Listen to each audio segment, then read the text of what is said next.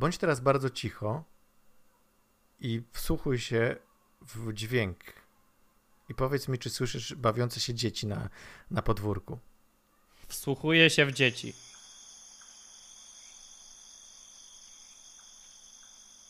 Ja nie słyszę żadnych. A wiatraczek? Też nie. A widzisz. To wszystko dzięki mikrofonowi firmy Snowball, która jest sponsorem tego odcinka. Snowball, ty- żeby życie ty- szło ci jak spłatka.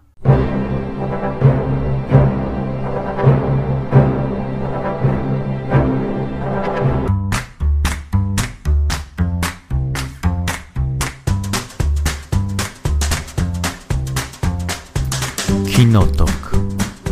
Podcast filmowy.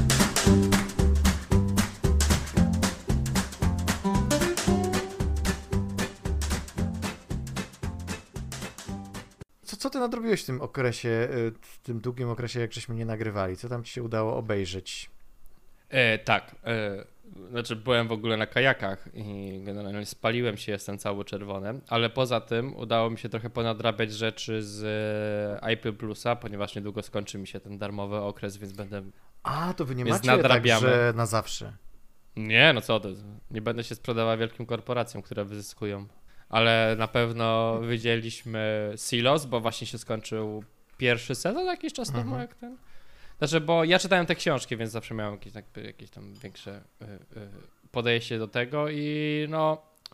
Ludzie bardzo sobie cenią ten serial, rozumiem dlaczego, ale nie jest chyba on tak wybitny, jak wszyscy ludzie o nim mówią, moim zdaniem. Szczególnie, że e, książka zdecydowanie jest bardziej taka streamline'owa i trochę bardziej taka jest konkretniejsza w tym, co się dzieje i tak naprawdę z całej trylogii oni w serialu doszli do połowy pierwszej książki, bo dodawali dużo rzeczy, które tak naprawdę tylko zagmatwuje całą tą historię i dodają do niej rzeczy, które niekoniecznie podnoszą to, o czym ta książka była i jaki był jej tam mniej więcej sens, tak? Aha.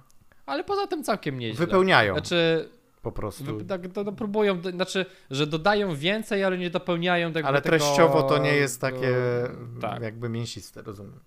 Tak, że jakby e, całe clue jakby, znaczy rozumiem, że to jest ten tryb e, rozwijania e, tego Mystery Boxa, tak, którym ta książka jest całkiem niezła tak naprawdę, ponieważ w porównaniu do częstej ilości Mystery Boxów to, to jakby jakby clue w Mystery Boxach polega na tym, że jak już ujawniasz to, co jest w Mystery Boxie, to już masz kolejne trzy Mystery Boxy, które się tam układają.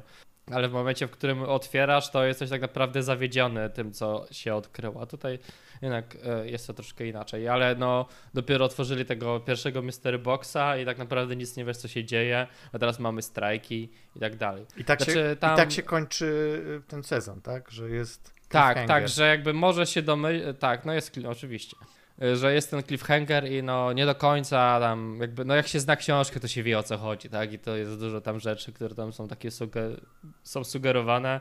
I raczej lecą zgodnie z książkami, i, ale wydaje mi się, że lepiej, więc szybciej się przeczyta książki niż y, się obejrzy ten serial, więc zawsze lepiej przeczytać tę książkę. E, I Rebecca Ferguson, która jakby w Mission Impossible była spoko, o którym będziemy Mhm. rozmawiać. Tak tutaj, no jest tą główną aktorką, ona jest chyba nawet producentem tutaj, ale nie wiem, czy to jest jej najlepsza rola. Ona jest taka na jedno kopyte bardzo w, tym, e, w tym serialu. Pierwszy że, raz słyszę coś mm, negatywnego o Rebece Ferguson. Ja to przy obejrzeniu Silosa chyba zdałem sobie, że ja za nią nie przepada. Znaczy za jakby Hmm. O ją grom Boże. i bo znaczy może dlatego, że najpierw ostatnio ją widziałem właśnie w Silosie i w Dune i grała jakby tą samą stoicką postać, tak jakby po, jak, jakiś podobny klimat. Dopiero e, jak oglądałem Mission Impossible, to, to zauważyłem, że ona potrafi się uśmiechać. O, to, To prawda. To znaczy, nie chcę teraz już wchodzić na temat Mission Impossible, ale rzeczywiście masz rację, że chyba w pierwszy raz w ogóle widziałem ją uśmiechniętą w tym najnowszym Mission Impossible. Na krótko, No. ale zawsze jest to coś. Nie, ja ją bardzo lubię. Ja, ja właściwie, y, powtó- wiesz co, powtórzyłem, nie powtórzyłem sobie wszystkich Missionów, ale powtórzyłem sobie te dwa poprzednie Macquariego, e, tak żeby sobie wejść jakby w klimat tego, jak on ten, bo Missiony to co jakiś czas oglądam, to jakby mniej więcej pamiętam. E, No, y, mimo wszystko, no dobra. No, I no. ten, i, i, te- i jakby wiesz, ona, y, Rebecca Ferguson stała się w ogóle rozpoznawalna dzięki temu y, czwartemu Mission Impossible, piątemu Mission Impossible, czyli tam Tak. e, no, no tym numer 5, już nie pamiętam jak się nazywał, ale e, ale i tam rzeczywiście zrobiła takie wrażenie na wszystkich, mówią, kurczę, co to za w ogóle aktorka, nie? I potem stała się gwiazdą po tym filmie, Z- tam zagrała przecież y, w, u boku Hugh Jackmana w tym wielkim showmanie. E, No grywała, no w Dune oczywiście gra matkę, świetna rola też, y, jedna z lepszych ról, jedna z bardziej emocjonalnych ról w ogóle w Dune. E, I, i, i- no co jakiś czas się pojawia i zawsze dobre wrażenie na mnie robi i w Miszonach też. Ale jak mówisz, że y, jej nie lubisz, no to mi przykro. Znaczy, kurczę, nie, nie, nie to, że ja jestem jakiś super Znaczy fanem. nie to, no, że ale- jej nie lubię, tylko że jakby, że wydaje mi się, że ona jest typecastowana strasznie. I, Okej, no może trochę tak. I że jest to trudne powiedzenie, bo to nie jest e, jakby, e, jakby jakiś archetyp, w który ona jest wstawiona, tylko jakiś rodzaj taki e, zachowań, a niekoniecznie ten, że inny rodzaj typecastu, ale mi się wydaje, że taki jest, że ona, ona, się nie uśmiecha. ona ma trochę nie? taki beach face, nie? Taki na, ona ma taki resting beach face i w tym silosie to jest 100% beach face. I, znaczy, nie wiem, znaczy serial jest spoko, co nie? Jeśli się nie zna książek, trudno mi powiedzieć z perspektywy osoby, która nie przeczytała tych książek, ale no mi się wydaje, że lepiej przeczytać książki szybciej. Będzie szybciej. Okej, okej, dobra, to idziemy dalej. E, Co tam jeszcze ci się udało obejrzeć? Dobra. E, e, jeśli już zostajemy przy Apple'u, widziałem e, Severance, czyli po polsku rozdzielenie, film, znaczy serial z, no tutaj głównym aktorem jest Adam Scott, który, który znany jest na przykład z The Office. e, nie, Park, Parks and Recreation. Boże, myli mi się. Park and Recreation, gdzie grał komediową rolę, ale, może znaczy, ja nie widziałem, jeszcze nie widziałem ostatniego odcinku, ale to, co oni robił w tym serialu, serialu to jest niesamowite, to jest jedno z najlepszych science fiction, jakie wiedziałem, serialu, jakie widziałem od bardzo dawna. Jest to takie psychologiczne science fiction, w którym e, osoby, jakby idąc do pracy, osoby zapominają, kim są i mają jakby drugie życie w tej pracy. Mhm. Czyli osoby, które, kim, które, którymi są w pracy, nie pamiętają, kim są e, na zewnątrz i odwrotnie. Mhm. I cały klub polega na tym, jak to jest bardzo dziwne, jak to jest bardzo bezsensowne. I ty właśnie nie wiesz, co się dzieje. To są tam nic, nic ci nie odpowiadają, nic nie rozumiesz tak naprawdę, ale czujesz cały czas takie napięcie, e, taką niedorzeczność. E, ten Adam Scott po prostu tutaj robi niesamowitą rzecz e, aktorsko, ponieważ widzimy go jakby w dwóch sytuacjach, gdzie w jednym momencie jest szefem działu, który nie wiadomo czym się zajmuje, który jest bardzo uśmiechnięty, próbuje wszystkim pomagać, jest z drugiej strony na zewnątrz, jest zdesperowanym gościem, który tam stracił żonę i generalnie zapija się codziennie. Więc generalnie ten serial jest bardzo dobry. Jest taki charakter tych przestrzeni, jest taki e, jakby taka przestrzeń poza przestrzenią, takie miejsca, nie, których, które nie istnieją. I ten charakter tego świata, w którym oni się znajdują wewnątrz tej pracy, tak właśnie wygląda. Mhm. I no, czujesz taki niepokój, to, że na przykład oni chodzą po korytarzach, które są absolutnie bezsensowne. Te rzeczy, które oni tam robią, są bezsensowne, ale tak naprawdę i oni nie wiedzą o co chodzi, i ty nie wiesz o co chodzi, ale ostatecznie okazuje się, że to wszystko jest bez znaczenia, bo nie ma tych odpowiedzi, ale nadal bez tej wiedzy, jakby ta fabuła się posuwa do przodu, że to nie ma znaczenia. Jest tam dużo wątków poruszanych, na przykład to, czy te osoby, którymi oni są w środku tej pracy, są osobami oddzielnymi od siebie, czy to w ogóle jest moralne, czy w momencie, bo to oni to jest tak, że wiesz, jest, siedzą w tej pracy, wchodzą do windy, po czym kolejną rzeczą, jaka się dzieje w ich świadomości, to jest to, że wchodzą z powrotu do tej pracy. Oni w kółko są w tej pracy, oni nie śpią generalnie. I jakby, czy możemy my jako ludzie pozwalać, czy oni mają osobowość w tym momencie, tak? I po prostu jest dużo takich moralnych pytań i zagadek, które oni tam zadają. Ale no mówię, no jeszcze nie wiedziałem tego ostatniego odcinka, ale nawet jeśli oni nic mi nie powiedzą, to będę zadowolony. Choć podobno jest wstrzymany drugi sezon, bo przez strajk scenarzystów, ale jest niesamowicie napisany, niesamowicie zagrany i po prostu wszystko z nim jest spoko. Szczególnie, że wiesz, oni nawet zmieniają sposób kręcenia w momencie, w którym są w tych różnych światach, tak, że masz inne oddalenie, na przykład kiedy są na zewnątrz, czasami wydaje ci się, że ktoś ich, że jakby masz te takie ujęcia, gdzie czujesz, że oni są obserwowani, a ty im więcej tam fabule wiesz, tym bardziej to jest dziwniejsze i ciekawsze. No i to tyle o tym. Ja bardzo polecam, nie widziałem jeszcze całego, ale warto obejrzeć. Na pewno te pierwsze 8 odcinków warto obejrzeć.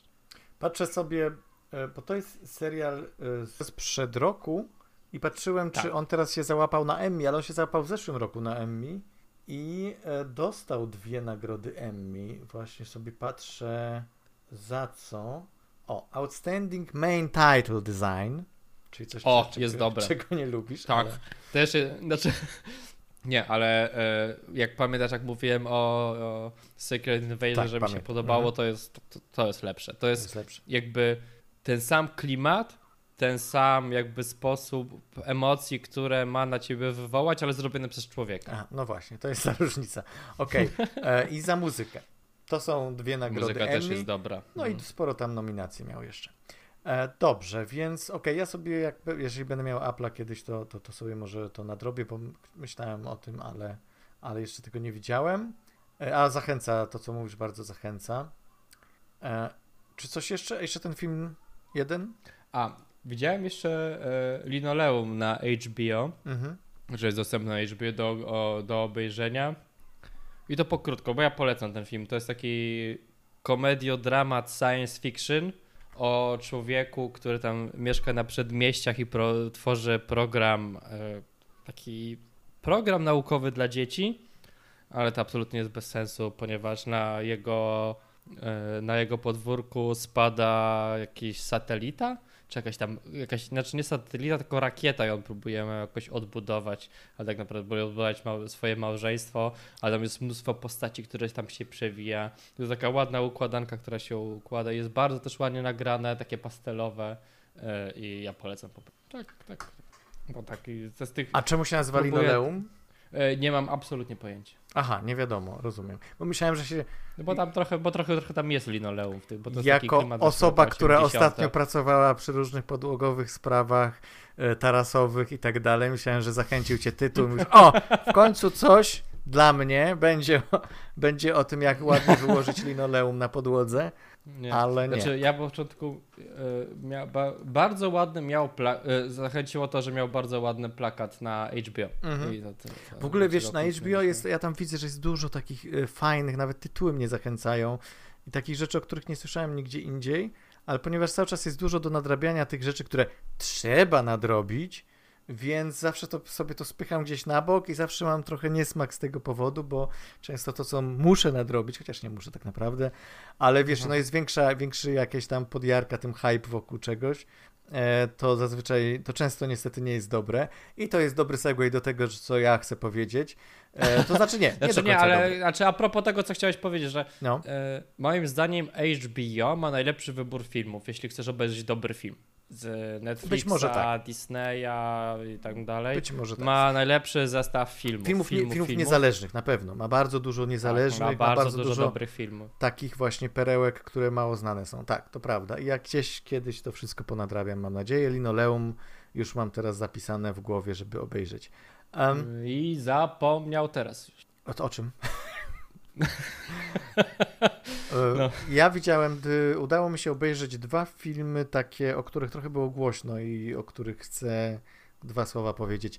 Jeden, oba na Netflixie. Jeden to jest Nimona, animacja, która wcześniej była robiona przez Disneya, nie, przez Blue Sky, przepraszam, który został podkupiony przez Disneya i Disney odrzucił w ogóle ten projekt i bardzo długo ten projekt był na półce w produkcyjnym piekle i tak dalej ale ostatecznie Netflix e, odkupił prawa i dokończył e, ten projekt.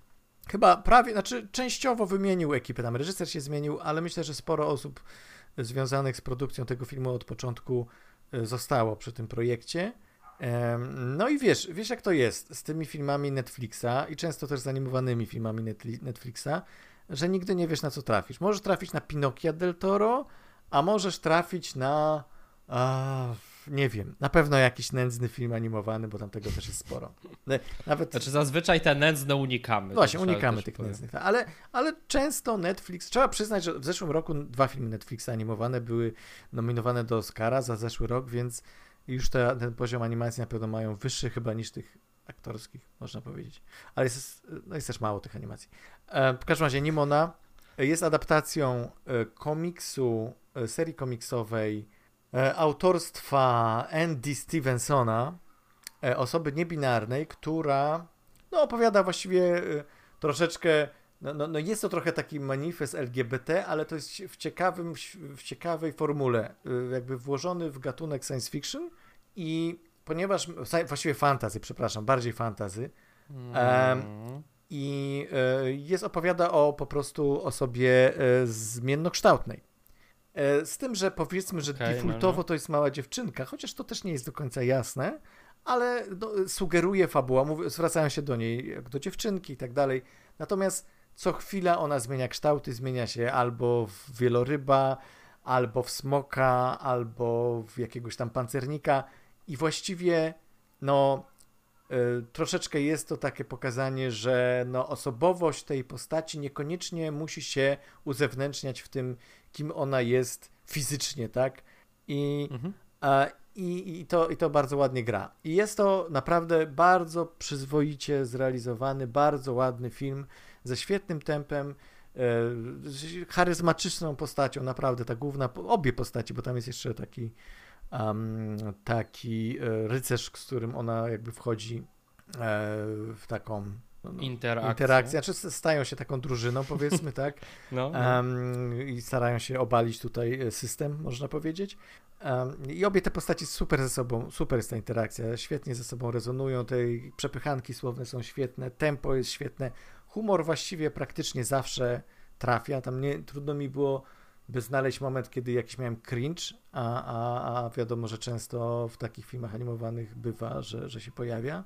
Um, jest bardzo ładny, jest bardzo ma, ładną, ma ładne przesłanie, nie jest taki, wiesz, patronizing, nie jest taki, że tutaj my was, widzowie, nauczymy, co jest dobre, a co jest złe. Nie stara się stworzyć z postaci super idealnej e, bohaterki w sensie takim, e, wiesz, osobowości czy, czy, czy, czy charakteru, tak? Ona czasem jest e, irytująca, czasem popełnia błąd, czasem zrobi coś źle, więc e, oczywiście jest super hiper, jest, e, wiesz, super silna, ma super moce, ale potrafi być też jakoś bardzo ludzka w tym. E, no, no i naprawdę e, bardzo pięknie zanimowany, piękne designy postaci, e, super rzecz. Bardzo mogę polecić ten, ten film e, Nimona. Znaczy, bo jak, trako, jak, tak jak opowiadasz generalnie o tym, o, o tym filmie, to nic dziwnego, że Disney nie chciał tego ostatecznie, że ostatecznie porzucił ten projekt. To tak się mówi, takie... że, że Disney porzucił, bo to zbyt kon, e, kontrowersyjny temat jest do omówienia, chociaż jak patrzę na film, to, to nie widzę za bardzo dużo kontrowersji. No okej, okay, dobra, mamy jedną gejowską Ale postać. wiesz, po, znaczy tak, postać, e, która jest jakby no, manifestuje się jako kobieca i musi być idealna u Disneya ostatnio.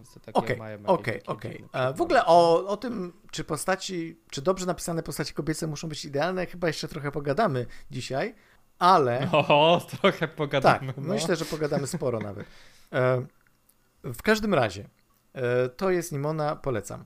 E, drugi film, którego nie mogę absolutnie polecić, niestety, z przykrością to stwierdzam, bo bardzo czekałem na niego. Bardzo mi się podobały zwiastuny, podobało mi się kto jest zaangażowany e, w produkcję, jeśli chodzi o scenariusz, bo jest to mój znajomy e, Bartek Sztybor, e, scenarzysta komiksowy, który też pracował dla CD Projektu, zrobił, napisał serial Cyberpunk, a ten Cyberpunk, o już zapomniałem jak miał podtytuł, to anime.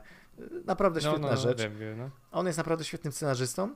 No a tutaj chyba troszkę mu się noga powinęła, ale też nie do końca, bo scenariusz, on, scenariusz nie jest najgorszą, najgorszym elementem zdecydowanie tego filmu. Chodzi o pana samochodzika i templariuszy i to, i, i teraz tak, ja nie widziałem y, tych starych samochodzików e, z, z, tym.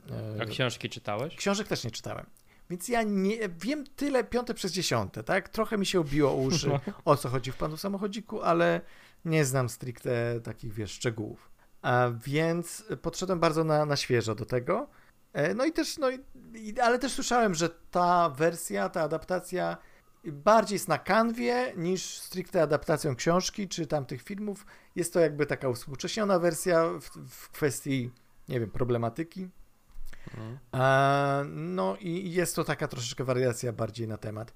No i tak, i się bardzo zawiodłem, bo generalnie film jest bardzo ładny wizualnie, ma bardzo naprawdę bardzo ładne zdjęcia. E, widać, że kasa poszła tam z tego Netflixa na to, w sensie takim technicznym.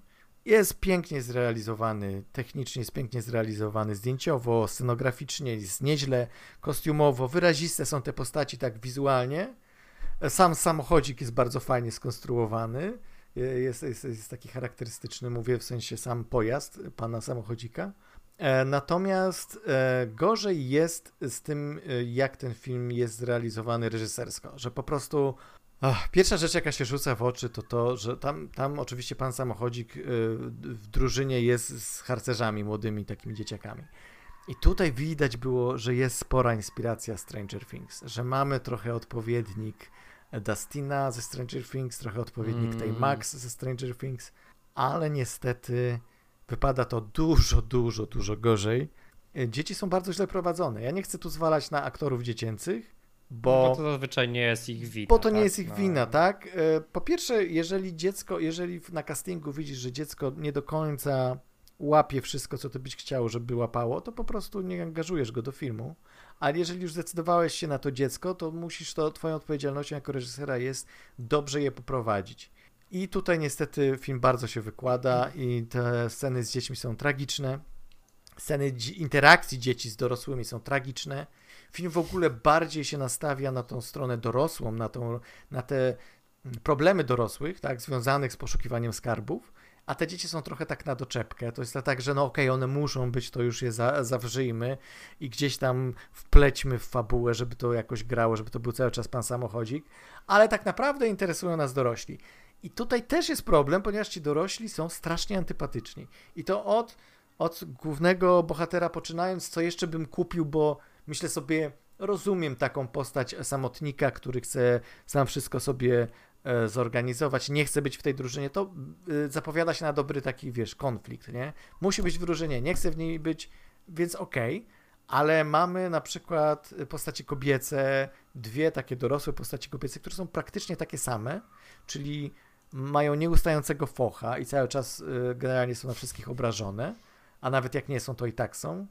Um, no i to, i to po prostu nie gra, nie ma dynamiki, nie ma, nie ma ciekawego kontrastu. Wiesz, jak tworzysz drużynę, fajnie byłoby, jakby w tej drużynie były różne charaktery, różne typy postaci, a tu masz tak na taki zlepek bardzo do ciebie podobnych i dość antypatycznych postaci.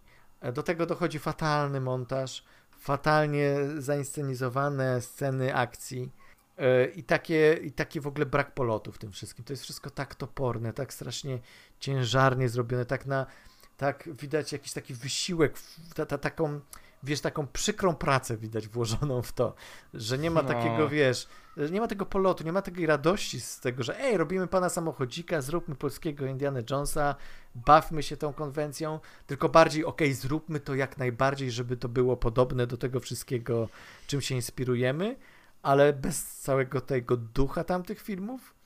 I w związku z tym no, zostaje nam mm. klisza, którą znamy, bez charakteru i która jest po prostu no, no taką wydmuszką po prostu. I e, no, to, to się bardzo, bardzo przykro oglądało, więc e, widzę jakieś te zalążki, widzę jakieś takie, wiesz, e, e fajnie, fajne pomysły na to, jak, jak jest ta cała intryga prowadzona, ale brakuje mi jakichś rodzajkowych, rodzajkowych, rodzajowych scenek, e, jakiś, jakiegoś humoru, jakiegoś momentu, gdzie trochę, wiesz, ta, trochę przekujemy tą, tą nadętość tych postaci. Tego nie ma zupełnie. To jest wszystko e, no tak strasznie, no właśnie nadęte, tak, tak strasznie prowadzone, tak topornie. E, więc, więc przykro mi się to oglądało i nie polecam absolutnie. Czyli to było na zasadzie mamo, mamo, ja chcę Stranger Things. Nie, nie, mamy Stranger Things w domu. Ale Indiana Jonesa też mamy w domu. I to wszystko mamy w jednym filmie, słuchaj. Nie. I Jamesa Bonda jeszcze tam dorzućmy, bo w sumie postać jest bardziej Jamesem Bondem niż Indiana Jonesem. E, tak. Znaczy wiesz, jest to dość przykre, bo tak jakby, wiesz, no trudno jest wprowadzić aktorów dziecięcych i to zawsze był taki problem i... Wiem coś o tym, bo też kiedyś robiłem film, gdzie grali aktorzy, tak, jako, jako wiesz, to ama- amatorski zupełnie, tak, ale, No. ale tak, to jest ciężkie. Nie, to jest ciężkie i jakby no, ewidentnie, przecież zawsze jak rozmawiamy i mówimy, że e, jakiś dziecięcy aktor zagrał coś dobrze, zazwyczaj chwalimy nie to dziecko, a chwalimy a e, reżysera, tak? No, zazwyczaj tak się to kończy. Tak, tak. E, Ale wiesz, no ale też z drugiej strony w Stranger Things ja bym chwalił te wszystkie, tych wszystkich dziecięcych aktorów. No bo E. oni już są dorośli. No teraz, ale w pierwszym sezonie to były dzieciaki i cały czas to było e, świetnie zrealizowane. Mhm. I jakoś brakuje tutaj, nie wiem Polotu. czego. No, Brakuje brakuje polo- polotu. Tak, ale, ale myślę, zastanawiam się z czego to wynika. Być może, nie wiem, były, wiesz, my mamy tą presję, tak? My mamy tą presję na zasadzie musimy im pokazać, musimy im udowodnić. I Że czasem Polacy ta umią. To Polacy jest za dużo. umieją. A tu mamy Mm. debiutanta, reżysera debiutanta, więc i tak naprawdę scenarzystę też, bo Bartok Sztybor nie pisał wcześniej filmowych rzeczy żadnych, więc e, no, no więc to widać, tak, że to jeszcze nie jest takie urobione, a już wrzucamy się na mm, e, wiesz, rzucamy się na projekt taki bardzo gatunkowy, gdzie pewne rzeczy faktycznie muszą być odhaczone, ale nie ma sen- on- one nie mają sensu bez tego serca, tak, e, fabularnego. O czym też trochę myślę pogadamy a propos Indiana Jonesa, przynajmniej ja, ale, no. ale, ale, ale wiesz, że chodzi o to, że e, no, no, po prostu pa- patrzyłem na ten film i mówię, kurczę, tu by się przydała fajna, zabawna scena. Jest taki moment, gdzie dziecko, jeden z tych harcerzyków mówi, harcerzyków, nie wiem, czy tak powiedziałem, jeden z harcerzy mówi, e, to jest grób e, jakiegoś mistrza krzyżackiego von jakiegoś Frauenwalda, no, nie bardzo trudne niemieckie nazwisko, przepraszam, nie, znam, nie jestem historykiem, pewnie jest to super znany e, krzyżak, ale... Albo, albo jest absurdalnie zmyślony. Albo nie jest to ale chyba nie, chyba nie, chyba tam to oni bazują jednak na historii. Um, i, e, I wiesz, i, i aż się prosi, żeby albo ten dzieciak, żeby źle wypowiedział y, to, to imię, to nazwisko, albo żeby ktoś źle je wypowiedział, bo to już od razu, y, wiesz, troszeczkę wprowadza taką lekkość. A tutaj dzieciak nagle nie wiadomo skąd, bo nie znamy go, nie wiemy, czy on jest super mądry, czy jest super głupi, bo nie ma żadnego charakteru poza tym, że jest gruby, tak? tak naprawdę. I że lubi jeść. Ojej. Serio, jest dzieciak, który jest gruby i lubi jeść i to jest jego cały charakter. A, i, y, I on nagle mówi tak bardzo dokładnie to nazwisko i myślę sobie, kurczę, to by się przydał ten moment zabawny, tak? I tego jest mnóstwo. Mnóstwo jest tutaj momentów, gdzie mimo, że film trwa prawie dwie godziny, to, to, to, to się czuje strasznie. O Jezu, trwa dwie godziny. No, godzinę 50, ale to jest tak mozolnie się, się toczy. Pauzy jakieś między dialogami okropne. No, no niestety, nie udało się, ale przyznam ci tak, powiem ci tak, jakby teraz zrobili drugą część, to ja bym tak obejrzał, bo myślę sobie, okej, posłuchali tych wszystkich narzekań, tam są przecież zdolni ludzie, którzy, wiesz, ws- wsłuchują się w te, w te problemy, które mają widzowie i krytycy i może kolejny film byłby lepszy, więc ja bym tu, jeżeli film ma odpowiednią oglądalność na Netflixie, to bym nie, to bym tutaj, wiesz, nie, wiesz, nie zrażał się. Prawdopodobnie jest to taki e, rodzaj filmu z myślą o tym, że a puszczę dzieciakowi akurat swojemu, bo to jakiś, wiesz, serial dla dzieci, czy No, film dla dzieci, no, niech sobie... trochę tak to jest. e, Trochę tak to Trochę jest po macoszemu potraktowane na zasadzie, e, No, no bo to brzmi trochę jak taka produkcja Netflixowa, którą oni, z którą jest dużo no, problemów. pan nie? samochodzik tytuł, kto to wymyślił w ogóle, nie? Oczywiście żart, żart, żart, żart. Zwiastun e, filmu Napoleon w reżyserii Ridleya No. Scotta, w którym występuje Joaquin Phoenix. Mam nadzieję, że dobrze powiedziałem to imię i nazwisko. Joaquin Phoenix. Joaquin Phoenix. Kiedy ma ten film powstać w ogóle? Znaczy powstać, A w wyjść? grudniu ma być premiera. Nie, w listopadzie jeszcze Uuu. chyba. W listopadzie jeszcze. Uuu, brzmi jak Oscar bait. Hmm, Oczywiście, że- Już się zaczął sezon. Proszę Hmm. cię, Napoleon, wielki, rozbuchany, epicki, epickie widowisko. Na szczęście kinowe. Na Mhm. szczęście kinowe. Ja się bardzo martwiłem, ponieważ produkcja Apple'a we współpracy e, z e, Sony, zdaje się, e, zostanie wypuszczona. Tak, bo to jest Sony Pictures, no. Tak, zostanie wypuszczona normalnie do kin i przez jakiś dłuższy czas w tych kinach ma być, zanim się pojawi na Apple'u. Także jest to Brzmi film. jak Oscar bait od Apple'a, który chcę... O, oczywiście, że tak. Oczywiście, że no. tak. I no i wiesz, słyszałem już wcześniej o tym, no bo już się mówiło, że Ridley no, Scott dużo robi było wcześniej mówię, no. kolejny wielki, epicki film, więc e, a, a, te, a, tego jest mało, tak? Mało mamy już takich filmów historycznych zrobionych z takim rozmachem o jakichś wielkich właśnie przywódcach, gdzie mamy wielkie sceny bitewne, e, panoramę jakiś tam właśnie, wiesz, bitew, czy panoramę jazdy konnej i tego wszystkiego. Tego jest coraz mniej w kinie z wiadomych powodów, tak, że raz, że się zmienia jest w ogóle... to drogie.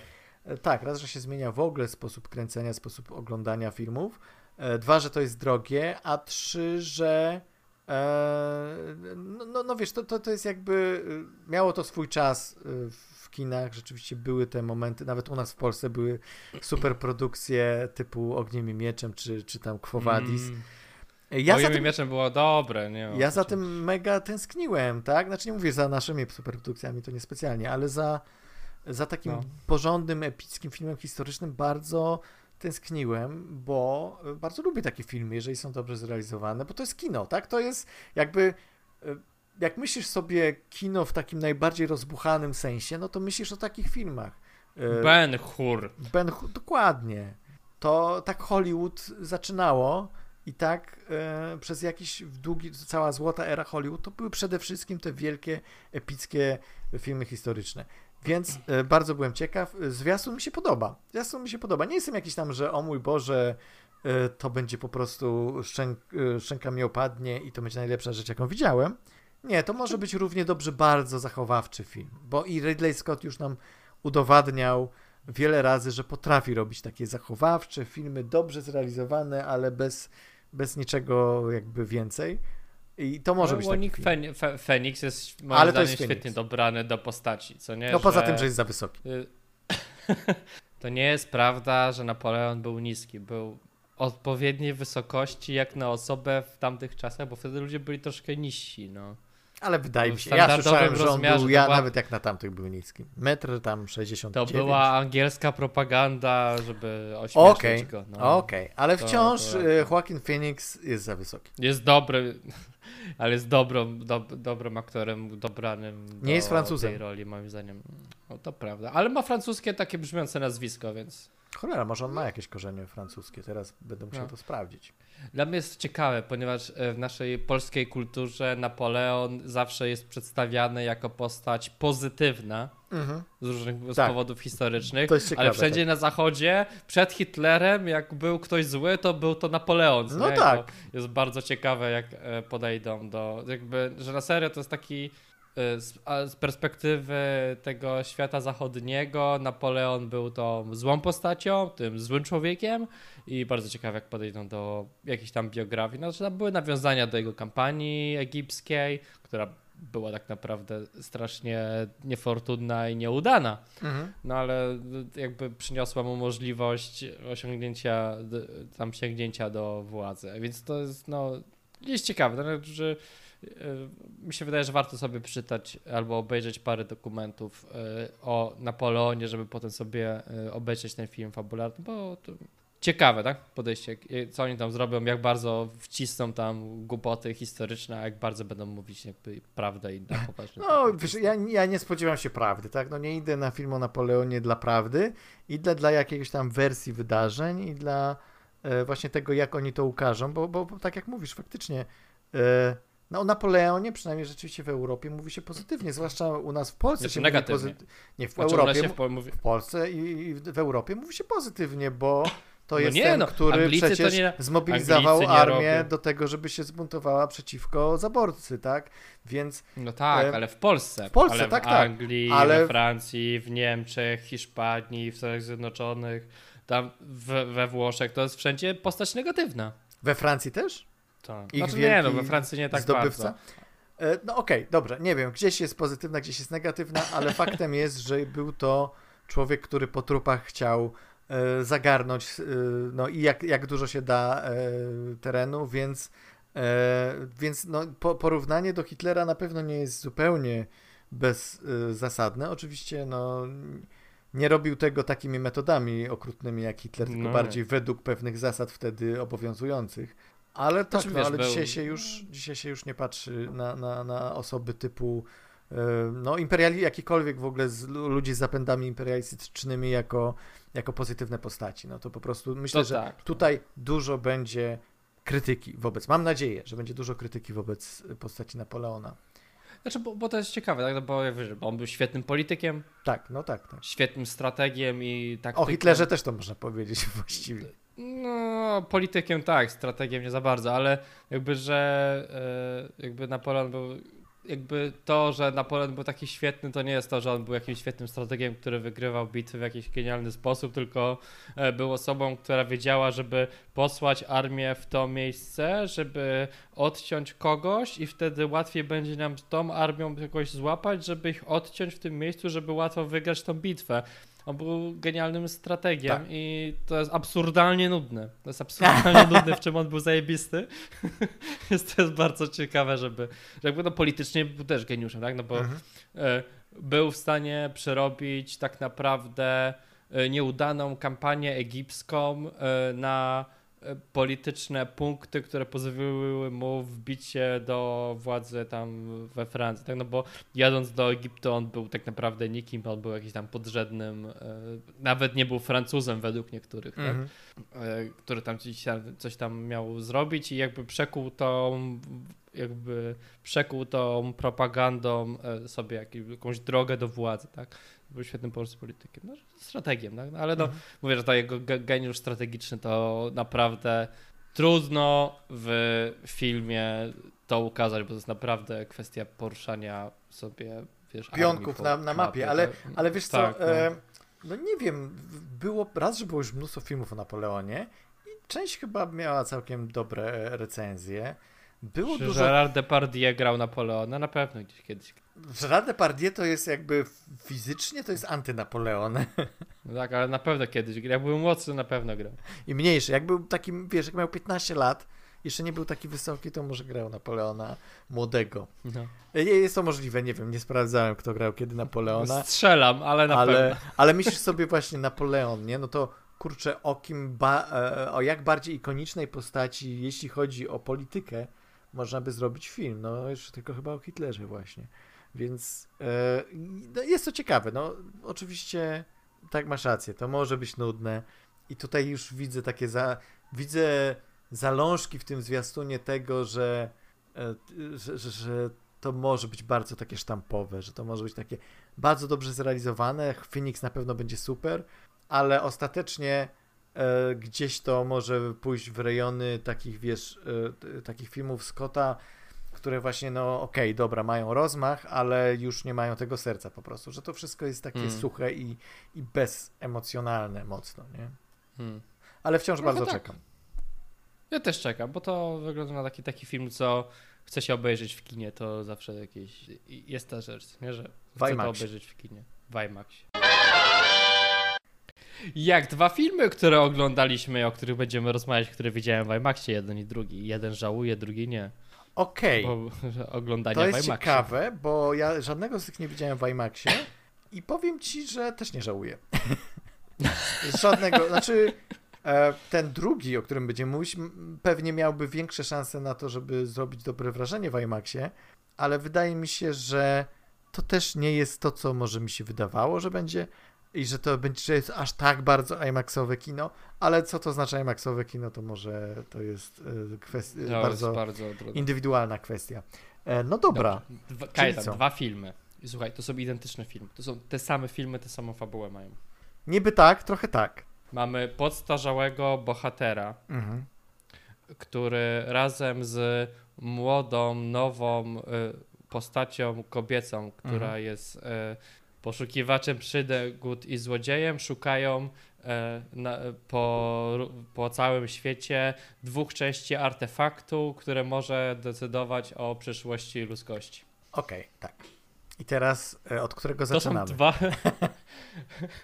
od tego, który widzieliśmy i powinniśmy o nim rozmawiać dwa tygodnie temu. Tak, tak. no w, końcu, w końcu przyszła kolej na to, żebyśmy zakończyli nasz Indianotok. Y i, i y, omówili Film, który już jest od dawna w kinach, albo może nawet już nie jest w kinach, ale e, ciąży na nas odpowiedzialność, żeby o tym opowiedzieć. Chcemy o pogadać, myślę, że jest o czym pogadać. Archiwalna odpowiedzialność e, na, nas zobowiązuje do tego, żeby opowiedzieć w końcu Tak. o Indianie Jonesie i Artefakcie. artefakcie przeznaczenia. ale musiałem spojrzeć sobie na naszą rozpiskę, bo inaczej tutaj bym nie, nie przypomniał sobie. No dobrze, słuchaj. Widzieliśmy wcześniej wszystkie cztery części. Omówiliśmy je dość skrupulatnie, mam nadzieję. Hmm. E, I teraz jak wypada ta piąta część na tle, e, na tle tych czterech? Ja ci powiem tak. Ten film jest niespójny fabularnie, ma tyle dziur jak ser, ser szwajcarski. Mhm. Jest myskastowany bardzo. Niektóre efekty specjalne i niektóre e, sposoby kręcenia były całkiem kiepskie. Ale jakoś się dobrze bawiłem na tym filmie, jakoś taki byłem. Znaczy, to jest tak, że myślisz sobie Indiana Jones, to myślisz zupełnie sobie tak, ja, przygoda, przygoda. A ten film był ok. Tak, to nie był najgorszy film na świecie, jak to Mhm. jest opisywane, ale no, trochę więcej bym wymagał od e, takiej marki, jaką jest Indiana Jones. No właśnie, bo ja się z tobą absolutnie zgodzę z tym, że e, no ja się nie bawiłem tak dobrze na tym filmie, nawet muszę powiedzieć, że się źle bawiłem po prostu na tym filmie. Po, Nie, ja pomijając, się, wyło, ja, się wyło, ja się wyłączyłem generalnie. pomijając No, kilka fajnych momentów, zwłaszcza końcówka, która mi się bardzo podoba, ale e, powiedziałeś, że ten film jest ok. I właśnie moim zdaniem to jest chyba najgorsze, co można zrobić Indianie Jonesie. Bo jeżeli to jest zły film, bo może nawet stwierdzić, że Królestwo dla wielu jest złym filmem, ale to jest jakiś, ma charakter, znaczy jest jakiś, jest, jest to zły, nieudany, znaczy nie dla nas, ale dla wielu jest to zły, nieudany film o Indianie Jonesie. Może być super film jak, jak Krucjata, natomiast jeżeli film o Indianie Jonesie jest filmem ok, że da się to oglądać, to to jest moim zdaniem chyba najgorsza obelga, jaką można tej serii dać, bo to jest seria, która jest absolutnie sercem kina przygodowego, która zrewitalizowała to całe kino przygodowe w latach 80.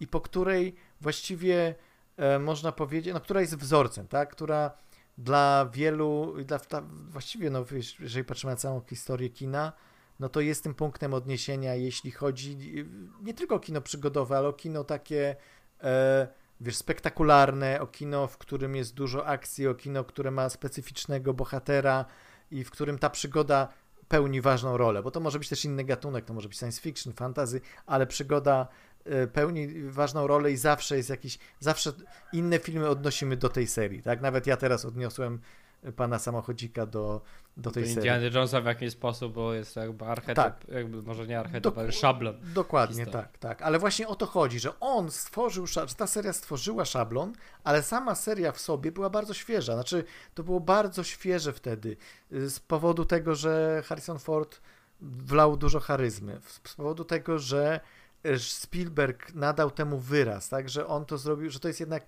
w jakimś sensie autorskie kino też. Najmniej autorskie kino Spielberga, ale to jest wciąż Spielberg, tak?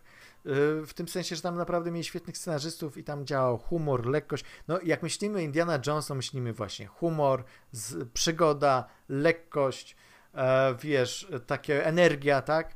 Ja nic z tych rzeczy nie mogę wymienić w tym filmie.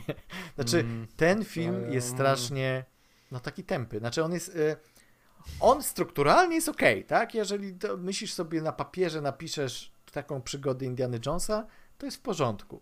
Natomiast e, pierwszy problem to jest ten problem, który e, ja wiedziałem, że on będzie, tak? To znaczy to, że Harrison Ford ma swoje lata i moim zdaniem już nie powinien 80 lat już, tak. grać tej Już postaci. Po prostu, e, jakby to powiedzieć. A jeżeli nawet miałby grać, to wydaje mi się, że trzeba byłoby mieć jakiś pomysł na to, jak pokazać faktycznie tego podstarzałego, czy właściwie już starego Indiana Jonesa, u kresu sw- swoich przygód, bo to mogłoby być ciekawe, tak? Tylko, że tutaj ten film, on jest, on nie ma odwagi, żeby pójść za bardzo w to. On porusza te wątki starości, ale z, zaraz obok jest ta Odrzuca przygoda. je Odrzuca je i zupełnie, mówi, tak? nie, nie, zapomnijcie, on jest cały czas, może walczyć, biegać i, i tak naprawdę w ogóle nie jest stary.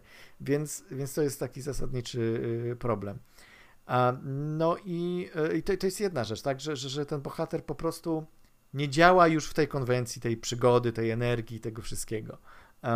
Druga rzecz y, to jest taka, że jednak e, James Mangold, który jest solidnym reżyserem. Ja lubię jego filmy, lubię i Logana, i, i ten Ford vs. Ferrari. No, Wolverine'a już dużo mniej. E, tam, co tam jeszcze było? Night and Day. Night and Day był ok takim filmem akcji z, z Cruzem. Był spoko, tak? Ale znowu, to, to był ok, tak? On ma dużo filmów, które są ok, a nawet jak są lepsze, nawet jak są naprawdę dobre, to to jest takie, takie rzemiosło, ale nigdy nie wychodzi poza pewien standard, tak? Nawet w Loganie, ja, ja ci powiem tak, widziałem y, w kinie Logan mi się bardzo podobał, bo to było coś nowego, coś świeżego, no, no, no, ale no, no. przy powtórkach już miałem, już się trochę nudziłem, już, już, ten, już ten, ta świeżość już nie działała w tym, w tym podejściu, że... No bo Logan tam jednak stał scenariuszem dobrym i pomysłem na to, jak to rozwinąć, ale niekoniecznie reżysersko był poprawny. Tak, ale miał momenty bardzo dobre reżyserskie i Indiana tak. Jones też ma niezłe momenty reżyserskie, ale to jest wciąż y, za mało. Więc, więc tutaj mamy po prostu produkcyjniaka. Ja mogę tego Indiana Jonesa porównać do Jungle każdej... Cruise. No. Ale Jungle Cruise przynajmniej się dobrze oglądało. ale nie, no, ten po, podobny poziom. No powiedzmy, że Jungle Cruise jest tam kapkę słabszym filmem jako takim, tak, ale, ale, y, ale to nie jest mm. w żadnym razie coś, czego by się oczekiwało nawet, nawet od gorszego filmu o Indianie Jonesie. Po prostu e, to poczucie, że, że no, mamy, mamy postać, która trochę już faktycznie nie chce iść na tą przygodę. A ją e, fabuła ją wypycha, na, znaczy jego wypycha na tą przygodę, ale on właściwie trochę już by nie chciał, tak? I, i raz, że nie jest poprowadzony ten wątek, bo on jak idzie na tą przygodę, jakby zapominamy o tym, że on nie chce iść na tą przygodę, potem wracamy do tego tak, motywu. No. I e, no, no, no i koniec końców bardzo niezdecydowany jest ten film. Po prostu e, stoi w takim rozkroku i, i sprawia, po prostu ja po tym, ja, ja przesypiałem kilka razy na tym filmie i e, tak w sensie, że okej, okay, dobra, nie zasnąłem, żeby nie pamiętać czegoś, ale, ale miałem takie, niech to się skończy, już, już zakończmy to cierpienie te, te, tego bohatera i tych i ty, i Tak, ten historii. trzeci akt, znaczy ten trzeci akt miał swoje rzeczy, ale był taki moment, w którym chciałeś, żeby się ten film po prostu skończył. Znaczy moim zdaniem już ten film jest na tyle długo, że możemy rozmawiać chyba tak, o spoilerach. Tak, tak, jak najbardziej. Tak, możemy od, nawet od tej, od tej, jeżeli chyba coś, coś jeszcze chcesz bezspoilerowo dodać. E, e, to jest ale to już musielibyśmy wejść w spoilery, więc możemy wejść Dobra, spoilery. to spoilery. to... Spoilery. Spoiler, no to jest to, co też na początku powiedziałem, że Phoebe Waller-Bridge jest miscastem strasznym i to dużo ludzi jakby wyrzuca na nią jakby rzeczy, bo ona gdzieś tam próbowała, ona chyba też gdzieś tam na pewno pomagała przy scenariuszu, albo przynajmniej jakby jako tak, aktorka ona przy scenariuszu, dorzucała. Tak. Mhm. I jest taki problem, że jej rodzaj humoru, jej rodzaj aktorstwa ewidentnie nie pasuje do tego. To jest tak, że ona, no Fleabag na przykład jest dobry, to mm. po mhm. prostu chyba jej takie, wiesz, szczyt generalnie jej możliwości, który jest e, świetny w tym, czym jest, tak? I to w tym, jak jest napisany, ale no to nie, to nie tu, co nie? To generalnie mm. oni, to jest to, co rozmawialiśmy wcześniej w podcaście, że e, Disney generalnie ma pewien archetyp obecnie na kobiety i on musi się mm. spełniać i ona musiała go wypełnić, ale ona w, jakby brakuje momentu w tym filmie, w którym ona pokazuje swoją złą stronę, ona nigdy nie pokazuje złej strony, mm. a nawet jeśli pokazuje złą stronę albo coś, co jest jakby niepewne, niefajne, nieprzyjemne z nią, to jest to pokazywane w pozytywnym świetle i to nie jest zrobione ta postać nie przechodzi żadnej tak naprawdę potężnej przemiany, czy zmiany, czy czegokolwiek. Jedyne co zrobi, to tak naprawdę rozumie, że ten, o, ten Indiana Jones może nie jest takim fight łapą, jak sobie na początku sobie o nim myślałam. To jest jakby, no, generalnie nie jest zmianą postaci, tak? Jest zmianą jakby podejścia i podejścia do innej osoby, tak? Przecież Świetnie by było to napisane, gdyby to był ten Indiana Jones, 80-letni gościu, który po prostu widział wszystko, ma mhm. przyjaciół w każdym mieście, w każdym kraju i on po prostu rozwiązuje za, po, jakby te swoje rzeczy za pomocą tego, ale w momencie, w którym y, ona wchodzi jako ta entuzjastyczna osoba, która nie jest skonkretyzowana strasznie w tym filmie i ona wchodzi i jakby odczuwa elementy w tym filmie, jakby tej ciężaru, który może taki sposób życia przynosić jej. Wiesz, jest scena, z Anton, jak jest Banderas w tym filmie się pojawia i znika nagle, co nie? Absolutnie nie wiem, dlaczego wybrali go na tą postać. Absolutnie nie wiem, bo ja lubię Antonio Banderasa. To jest Matt Damon w Interstellar, tylko że Matt Damon w Interstellar e, był fajną niespodzianką, a tutaj masz takie... E, no okej, okay, co nie? Wiesz, że jakby, no rozumiem, co nie? Spoko chcieliśmy, żeby jakby wykorzystali aktora, żeby podnieść postać, ale to nie, się nie wydarzyło, co nie? Mhm.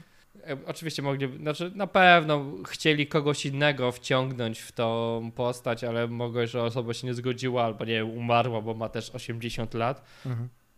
I teraz, kurde, wyobraź sobie, gdyby to był ten, e, e, no, Dobra, nieważne, ale nie. I wyobra wyobraźmy sobie, że to jest tak, wrzucają taką postać, to ma być ważna postać, po czym ona umiera przez akcję i jakby jest ta scena, gdzie ten Indiana Jones mówi, że to nie jest przygoda, to był mój przyjaciel, co nie? On mm. umarł tam w tym mm. miejscu, co nie? I, I nic. I nic. On to powiedział, to tak jakby e, Harrison Ford w środku, e, w środku tego e, kręcenia stwierdził, mi się wydaje, że Indiana Jones by to powiedział jej, co nie? Że to był mój przyjaciel, co nie? I on umarł. I nie dajesz mi, kobieto, jakby zreflektować się na temat, jakby myślisz o kolejnej rzeczy, która się tam się mhm. dzieje. I to spływa po tej postaci. To był moment, w którym ten film fabularnie umarł, tak naprawdę, emocjonalnie, tak? No bo mhm. była scena, która tak naprawdę w jakiś sposób kończyła drugi akt. Znaczy, niekoniecznie, tak? No ale mhm. jakby gdzieś gdzieś jest ta granica, gdzie jest ten tak naprawdę na, powinien być ten najniższy moment i nic się nie dzieje, tak? I to jest jakby przykre. Nie ma tego momentu, gdzie ona e, się jakby ustabilizuje, ona się nie zmienia, ona nie myśli o niczym innym, ona jest cały czas to samo. Tak? I to jest bardzo przykre, także to była naprawdę scena filmu, która była przykra. Mhm. Tak, tak. To jest tak, słabe. Tak. I to jest jakby przykład tego, że e, w może lepiej napisanym filmie ta postać, ta sama postać od tego momentu by się zmieniła. Mhm. I coś innego by zrobiła, bo ona była zawadiacka, okej, okay, spoko, przygoda, bla, bla, bla i to powinien być moment, w którym coś w niej uderza, coś w niej zmienia, tak? To był, powinien być dla niej moment, w którym ona oddaje ten artefakt jak Indiana Jones w, yy, no, Ostatni no, Świątyni Zagłady. A, świątyni, okay. świątyni Zagłady e, się zmienia pod koniec filmu. To powinien być jej moment, tak? Ale nic się nie dzieje. I to jest przykre po prostu, to jest przykre, fabularnie to jest przykre. tak. Tak, no to jest generalnie... Nie mówię, że ona jest złą aktorką, ona jest świetną aktorką. Nie, ona w ogóle tutaj też ona jest, poprawnie gra. Jest aktorsko, tak, poprawnie gra, ale no, Tylko ta czegoś postać, brakuje. Ta postać jest nieźle napisana, nie pasuje do całości, tak jak mówisz, i jest dość mocno jest antypatyczna, a jednocześnie nie jest... E ciekawie antypatyczna, to nie jest kontrast dla naszego Indiany Jonesa, tylko to jest nie wiadomo właściwie co. To, to ma być takie, taki zlepek różnych, e, różnych postaci, e, sidekicków, e, które mieliśmy w poprzednich filmach, a jednocześnie bez trochę własnego charakteru, tak? Trochę taki, mm, no to taki niedo, niedopisana postać mocno. Ale są jeszcze gorzej napisane postaci typu mały chłopiec, który musi być koniecznie w filmie o Indianie Jonesie, no bo dlaczego, e, jak, jak żeby inaczej, bo przecież nie mamy short rounda, chociaż mamy short rounda, e, znaczy moglibyśmy go mieć spokojnie, bo Kihi Kwan mówił, że chętnie by zagrał. A mówię w ogóle, co za, co za miss opportunity, Kurde, nie? gdyby on był i postacią tego Banderasa. No, wiesz co, nie, to byłoby może zbyt brutalne. Ale byłoby, gdyby, ale, ale, ale gdyby tam się pojawił, być... po prostu, gdyby się pojawił, to, to, to a może nawet nie był jego po, po raz kolejny, może nie musi być jego sidekickiem, chociaż w poprzednim filmie mieliśmy po raz kolejny Marion. Dlaczego nie możemy tutaj nostalgicznie zadziałać z tak dobrą postacią jak Sean i tak, z tak dobrym aktorem oscarowym jak Kihi Kwan? E, w każdym razie, e, mamy tego dzieciaka, który jest ża żaden do bólu, tak? On jest żaden, on jest... No jest żaden, no. To jest niesamowite, że ja go jeszcze pamiętam z tego filmu. E, chociaż ma ważną ja, rolę nie, pełni, ja ale nie to pamiętam, jest taka rola, ja... widać po prostu jest... w scenariuszu, jak okej, okay, dobrze, on musi wsiąść do samolotu, więc wcześniej damy scenę, jak on e, ćwiczy latanie samolotem. No po tak, prostu... Tak. Znaczy, ja nie pamiętam tej postaci, pamiętam jej wąsa, który był tragiczny. tak. No, to, tak. no tam wąs wąsem, tak, żeby po prostu dać charakter temu, temu dzieciakowi. I, i, i mamy, mamy Wilana. I teraz tak, e, no jest to Mads Mikkelsen, tak, to jest świetny aktor. I on tutaj, moim zdaniem, gra. On się chyba najbardziej tutaj przykłada do tej roli, w sensie takim, bawi, że... On się bawi on tutaj, się bawi, nie? tak. Tym On bycie, się- byciem złym, no. On się bawi. Znowu to jest postać sztampowa, to jest postać, którą już widzieliśmy milion razy, ale to jest Mads Mikkelsen, więc jesteśmy w stanie w jakimś sensie się zainteresować nim jako vilanem. Absolutnie nie, nie, nie w ogóle nawet nie zbliża się do jakichś najlepszych vilanów e, z serii, ale, mm, ale jest najbardziej jakiś, można powiedzieć. No i tak, no i, no i mamy, na, mamy na przykład e, Salaha, tak, który wiesz, no okej, on zawsze był troszeczkę tym takim przewodnikiem. On zawsze nam wprowadzał naszych bohaterów, potem ich wyprowadzał. Zawsze mówiąc, mówię o dwóch filmach, czyli Poszukiwaczach i Ostatniej Krucjacie, tam się tylko pojawia. Ale zawsze był tą postacią, która pełni istotną rolę i która e, wlewa dużo serca, dużo takiej energii do filmu, a tutaj go wrzucamy i go wyrzucamy momentalnie z fabuły. Po prostu i to jeszcze w taki chamski sposób, na zasadzie ej, ja chcę z wami polecieć, chcę przygody. Nie, dobra, idź do domu, wracaj w ogóle, wiesz, daj mi spokój. Tak, no, to sobie na ludzisku. Nie, nie, nie, no, no, spokojnie, poradzę sobie. Poradzę sobie, ja, ja w ogóle nie chcę, ale ja muszę, tak? Tak, żeby... E, to jest, Niewykorzystana e, postać na maksa.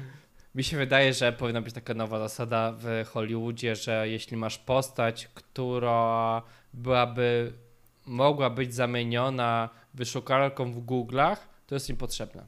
A on jest chyba tutaj taką postacią, co Mhm. nie, że jak gdyby wpisał e, informacje, które potrzebujesz, to prawdopodobnie jest niepotrzebna ta postać. Mhm. No, No było taki, był taki niepotrzebny. No był niepotrzebny, co? tak. Ale słuchaj, dobra, trochę nasraliśmy na ten film, ale mi się wydaje, że jest parę pozytywnych w nim rzeczy. No dobra, okej, no to pozytywne rzeczy. Dobra. E, sekwencja nocnego pociągu jest całkiem spoko. Dobrze się to oglądało i jak na wstęp, jak do. e, Z tym, że ja cały czas mnie wyrywało z imersji to, że mamy kukłę Indiana Jonesa, a nie Indiana Jonesa. I to mnie tak strasznie Dlaczego? Ale- bolało. Ale przynajmniej po pierwszej, po czwartej części stwierdzili, że dobrze będzie, jeśli zrobią to kiepskie CGI w nocy. tak, ok. tak. No tutaj troszeczkę nad, na, tak, to nadbudowali tym, że akcja dzieje się z nocy. Spoko, No. ale, ale, ale, ale, za długa jest ta scena, roz- na przykład. Trochę długa, ale no, dobrze tam się to. Było ok, dobry To był jeszcze taki moment, y, kiedy myślałeś sobie, e, okej, to może być niezłe, tak? Tutaj jeszcze czuć jakiś, jak to się fajnie rozkręci, to jeszcze nie jest to, co, czego chcę, ale to już jest jakby w dobrą stronę idzie, nie? Także E, wpuściło mnie w dobry klimat, Tak, jak, tak, to tak. oglądałem. A- I w ogóle pierwszy akt nie jest zły. Ta e, scena pościgu w e, scena pościgu w tam w tej, na, podczas tej parady było spoko. To było fajnie, Mhm. f, fajnie nakręcone. Już tam, już tam to, to się działo tam, nie, to nie był Egipt, to był Egipt, Maroko. Maroko. To się działo w Maroku, to już było takie, to już tam gorzej to tam, Mhm. tam wychodziło, tak? Ale generalnie to, sce- tutaj to całkiem nieźle wychodziło. Tak. E, e, co jeszcze? E, scena, jak oni tam schodzą pod wodę i cały ten sposób, jaki to wymyślili, też mi się podobał. No mówię, Antonio Banderas mimo wszystko wygrał trochę to, to wszystko, mimo tego, że nie był tam potrzebny, ale to, to Ja był... mam, ja mam problem z tą sceną. Mam kilka Masz? problemów z tą sceną. Pierwszy jest A, taki, No. że węgorze, serio? Tak, bo to jest właśnie też co miałem ci też cię zapytać, bo, Bo czekaliśmy, Indianie Jonesie czekaliśmy na chmarę. czekaliśmy, tak, na chmarę, no i masz chmarę, węgorze, no. No, Mi się wydaje, że żaden z nas nie wygrał, jeśli chodzi o domyślanie się, co będzie chmarą Tak, w tym tak, Indianie ale Jonesie. to jest- Nikt nie postawił na węgorze. Mamo, mamo, chcę węże, masz węże w domu. Nie, ale wiesz co, e, okej, to znaczy, dobra, spoko, jeszcze ten fajny był ten tekstik, że one wyglądają jak węże. Nie, wcale nie wyglądają jak węże. To, to, to było spoko, tak? Ale, e, ale, ale po prostu miałem takie wrażenie, że nic z tym nie robią, że okej, to jest coś, co przeszkadza naszemu Indianowi Johnsonowi, Jonesowi e, w zdobyciu czegoś, natomiast e, nie jest ciekawie, nie jest ciekawym, nie ciekawą przeszkodą po prostu. On pewnym momencie go tam otaczają Okej, no. i on tam gdzieś, jakby nic z tym nie robią. W ogóle problem dużo jest w tym filmie problemów z tym, że nic nie robią ze scenami, gdzie tak jak znamy z poprzednich filmów o Indiana Jonesie, zawsze jakiś miałeś fajny pomysł na to. Jak pamiętasz scenę walki przy samolocie w, w poszukiwaczach, tam jest tyle pomysłów, rozwiązań na to, co zrobić z tym całym setupem, tak, że, no, no, że, no. że wiesz, jak, gdzie poprowadzić, żeby, żeby to wyszło i zabawnie, i ciekawie, i trzymało w napięciu, e, że to jest po prostu jakby takie, taki znak markowy serii, a tutaj masz dużo scen, gdzie nic z tym nie robią, że to jest takie, okej, okay, uciekamy, okej, okay, e, uciekamy tuktukami, e, no dobrze, ale coś fajnego z tym zrobicie, z tym pościgiem? No, tuktuki, no przecież to już jest dziwne, tak? No, no nie, no coś jeszcze by się przydało mhm. tutaj. E, I, ta, I dużo jest takich momentów, które są po prostu typowymi scenami akcji, a to, to rzeczywiście ten moment z tym, z tym koniem był jeszcze, był jeszcze jakiś pomysłowy. E, czy, czy nawet w, tym, w tej czołówce, w tym pierwszym, e, tych pierwszych tam 20 minutach, gdzie masz tym, prze, przechodzą przez ten pociąg i nagle to działo się prze, przechyla i zaczyna strzelać i odstrzeliwuje po kolei tych wszystkich nazistów. To, to był jakiś, po, jakiś taki Indiano Jonesowy pomysł ale tego jest za mało. Tego jest strasznie mało i reszta jest taka strasznie y, taka toporna i, no, i mało pomysłowa. Więc y, tak samo w tej scenie pod wodą. No, y, raz, że dużo znaczy, CGI. To, bo to miało do, no, bardzo dużo CGI, to było no. też takie ciemne, że jakby... Tak, tak, tak, nic nie wzięli, widać, pod, no. wzięli ten, ale jakby, że sam pomysł na setup był dobry, tak, że to co tam się dzieje, że ona jednak tam wróciła tam po niego, bla bla bla bla, bla coś tam mu pomogło. Mm -hmm. No okej. Okay, że jakby, okay. że to było, to było na tyle dziwne, że oni zrobili setup dobry, tak, że tam musisz zejść i to kolejny ten, masz ograniczony czas, żeby to się wszystko wydarzyło, mhm. ale gdzieś tam, rzeczywiście może gdzieś tam w to, w tym było, ja, może, znaczy, no, ja pamiętam, że jak byłem w kinie, to jakby wtedy czułem jakieś tam napięcie, bo myślałem, że może w końcu zabiją tego Harrisona Forda. A, widzisz. A, tu hmm. guzik. Ale... Guzik. E, e, no dobra, ale wracamy do negatywów, więc e, z pozytywów ty byś no. to wymienił. Co sądzisz o finale jako pomyśle, tak? W sensie, że, że jakby Mnie zirytował strasznie. Fabularnie. Climax, fabularnie tak? Nie mówię mnie... o tych ostatnich minutach, tylko climax. Coś, rozwiązanie, tak. o czym jest artefakt. Zagadki. Zagadki. No. Zawsze we wszystkich no. Indianach Jonesach polegało to na tym. To jest artefakt, który ma potężną, niesamowitą moc. A to są efekty, działanie tego magicznego, niesamowitego artefaktu i pokazuje te efekty, ci mówią, o kurde, może ten artefakt nie był dobrym pomysłem, żeby go używać. A tutaj jednak trochę za przedłużyli. No. Także a właśnie, a mi się to podoba, bo to jest dokładnie to, co też w recenzji napisałem. Kurczę, w końcu przełamali ten kanon. W końcu przełamali ale mi się, to, ale podobał że, ten kanon. Okej, okay, mi się też podobał, ale odwaga jakaś w scenariuszu. My pójdźmy dalej, my pokażmy, bo ja sobie myślę, okej, okay, oni będą, y, bo o co chodzi? No jest ten, ta tarcza y, Archimedesa, y, przepraszam, artefakt Archimedesa. E, i e, chociaż w napisach było, że tarcza. Nie, no, nie chcę wracać do kwestii tytułu, bo mnie tak irytuje, że szlak mnie trafia.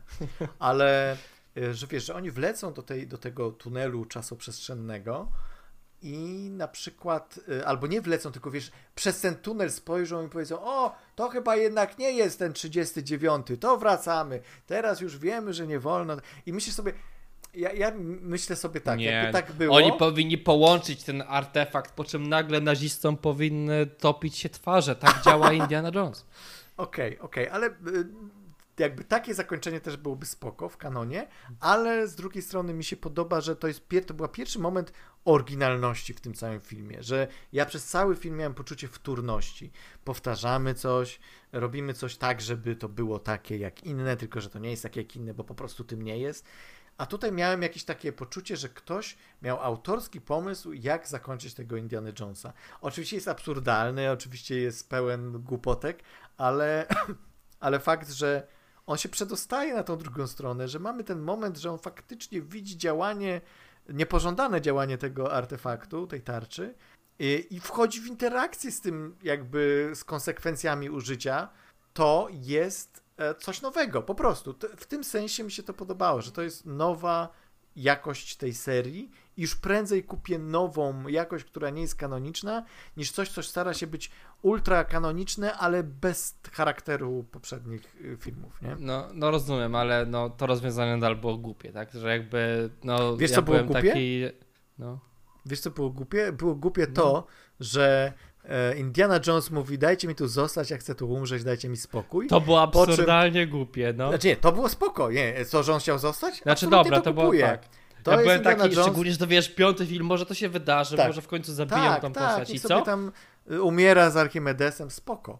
Ale co się dzieje? Dostaje, plaskę, dostaje tego, wiesz, knockout y, z pięści od pani naszej super bohaterki i to taki, że kurde, budzi się w swoim domu. What the fuck? Co to był za knockout?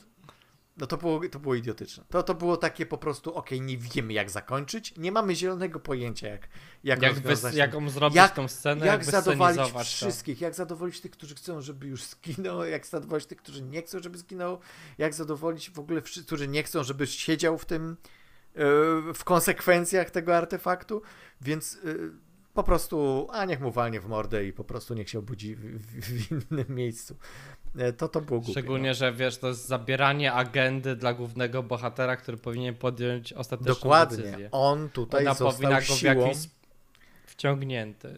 To, że tak, on nie podjął decyzji, tak? nie podjął. To inna On- postać podjęła za nią decyzję i ona pod, postąpiła samolubnie w tym momencie, Mega samolub. bo ona powinna za pomocą wiedzy i za pomocą nauki, którą zdobyła podczas tego filmu o tej postaci, w jakiś sposób móc go przekonać do tego, żeby chciał wrócić. I to jest rozwiązanie tej sytuacji. E, Tak, poza tym... e, Ale wymagałoby to dobrego scenariusza. Poza tym co mamy później? Później mamy Indiana Jonesa, który się budzi w swoim mieszkaniu i oczywiście jest niezadowolony i mówi tej naszej bohaterce, że co ty zrobiłaś, ja tam chciałem zostać, ale ona mówi, że masz tu dla kogo żyć i zaraz się pojawia najpierw w salach z tymi dziećmi, a potem pojawia się kto? Marion. Przychodzi Marion i mówi mu, że e, zrobiła zakupy i że w ogóle te...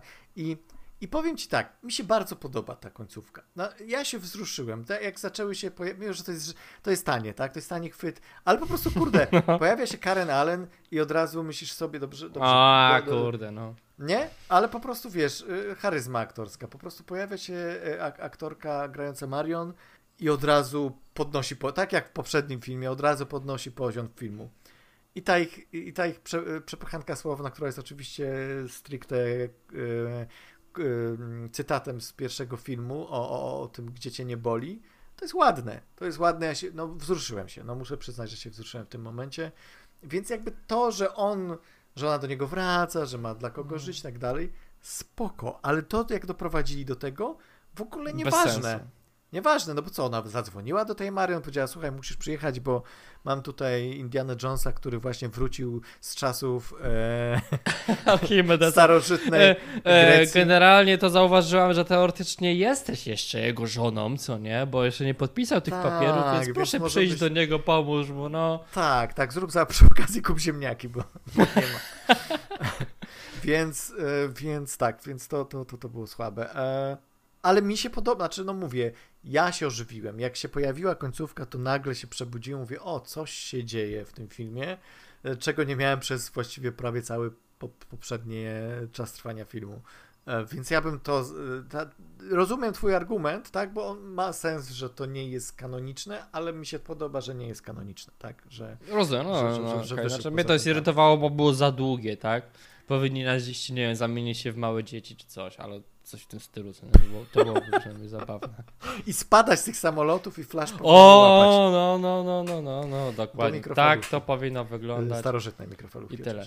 E, dobra, my to, czy, nie wiem, czy, ja, czy ja mam jeszcze jedno pytanie do No. ciebie, ale Mhm. chciałbym nim zakończyć. E, co myślisz o tym, że Shia LaBeouf umarł w, O, między tak. filmami? I to było To? takie, o kurwa, co tu się wydarzyło? Co tu się wydarzyło? W ogóle daj spokój. Biedny ten Indiana Jones. Żona go zostawiła. Dzieciak mu zginął na wojnie. E, nikt go nie chce już słuchać na tych e, jego wykładach. On chce już po prostu umrzeć. W ogóle, what the fuck? Dlaczego musimy tą postać tak strasznie doświadczyć? Gnębić, no. O co chodzi? Przecież y, jakby on i tak już ma dużo miał doświadczeń w życiu i dużo przygód. on nie musiał tego wszystkiego doświadczać. To nie jest tak, że do powiedzmy y, lat 50 lat życia, czy nawet ile tam miał, y, 50 parę w, w tym, w jako bohater w kryształowej czaszce. E, To nic w ogóle, wszystko jest super, a potem nagle wszystkie nieszczęścia się walą na ciebie. Nie no, te nieszczęścia mogą się stopniowo pojawiać w twoim życiu i to nie jest tak, że nagle 90-latek już chce umrzeć. To nieprawda. On może równie dobrze jeszcze chcieć i te przygody mieć. O, to, może, to mogłoby być ciekawe, że wiesz, no już nie mogę, ale jeszcze bym chciał, tak? I trochę Albo tak taki chęć pozu- poczucia takiego zewu młodości, mimo tego, że nie jest w stanie y, czegoś tam zrobić. No Tak, że on chce być młody, że on no. chce, na przykład, kurde, no aż się prosi scena, że podchodzą do niego draby, jeden na 4 metry i on go wali i nie może. I mamy fajny omarz do pierwszego filmu, tak? Że mamy wa- A tu nie, wali z, wiesz, z pięści raz i tam ci padają. Kurde, no po prostu bez sensu, tak? E, ale, aha, o co chodzi z Shia LaBeouf? No właśnie, e, bardzo jestem zniesmaczony tym pomysłem. Tak, to Rozumiem, nieładnie, no. że to była kwestia raz. Znaczy, oficjalnie to jest kwestia tego, że były konflikty, jeśli chodzi o e, kręcenie filmu i Shia LaBeouf był przypisany do innych projektów i nie mógł wystąpić, ale my doskonale wiemy, że była taka e, mocna krytyka tego postaci Shia LaBeoufa w poprzednim filmie, że po prostu studio chciało się go jakoś pozbyć i pozbyło się w sposób dość ordynarny i taki Hmm. nawet i z tym nawet też nic nie zrobili, tak? Bo, bo kurczę, Tak, nie jakby, zrobili nic ciekawego, tak? w India, no, jakby że- Indiana Jones chciał użyć tego, tej tarczy, żeby się cofnąć do czasów, kiedy Tak, może. To właśnie, może to jest powiedzieć- właśnie on taki mówi, moment, to, Ale, no to ale, mówi, tak powinno ale, się ale, wydarzyć. ale nie ma tego, tak? Ta postać e, tej Phoebe Waller-Bridge, ona powinna to zrobić, ona powinna użyć tej tarczy, cofnąć się w czasie i uratować tego chłopaka. I to Shia LaBeouf na końcu powinien się Tak, pojawić. Shia LaBeouf razem z mamą. powinna tam wejść, tak, dokładnie, wziąć tego Shia LaBeouf'a i na O, ten jeden dzień kręcenia to zrobić. I fuck. I słuchaj, i oni przychodzą na koniec i Indiana Jones e, patrzy na Shia LaBeouf'a, bierze kapelusz i zakłada mu na głowę. O, no. I mamy Albo końcówkę. No, To I widzisz, umiera. to I jest- umiera, nie. i koniec. I umiera, i wtedy umiera na zawał, ponieważ jest tak bardzo wzruszony, żeby nie musieć więcej rozmawiać o, tym, o tej postaci. No. Ach, Ale wiesz, że jakby, że tutaj coś takiego się mogło wydarzyć, albo nawet zasugerować, że coś takiego jest, nie? Że nie wiem, kurde, pocztówkę jakąś wysyła, co nie? Albo mówi Tak. o tym chłopaku, jakby on żył, co nie? Te wszystkie postacie, że... Tak, tak. I to też jest tak, że ten... e, Co, co się stało z tym artefaktem? No Gdzie chyba on zo, jest? zo, oddali temu Archimedesowi, żeby skończył. Nie wiem. A nie, ale oni musieli wrócić jakoś. A tak, oni By- musieli wrócić. Y, No i z muzeum zapewne, jak wszystkie artefakty, y, które Indiana Nie, Jones... który? Który artefakt Indiana Jonesa jest w muzeum?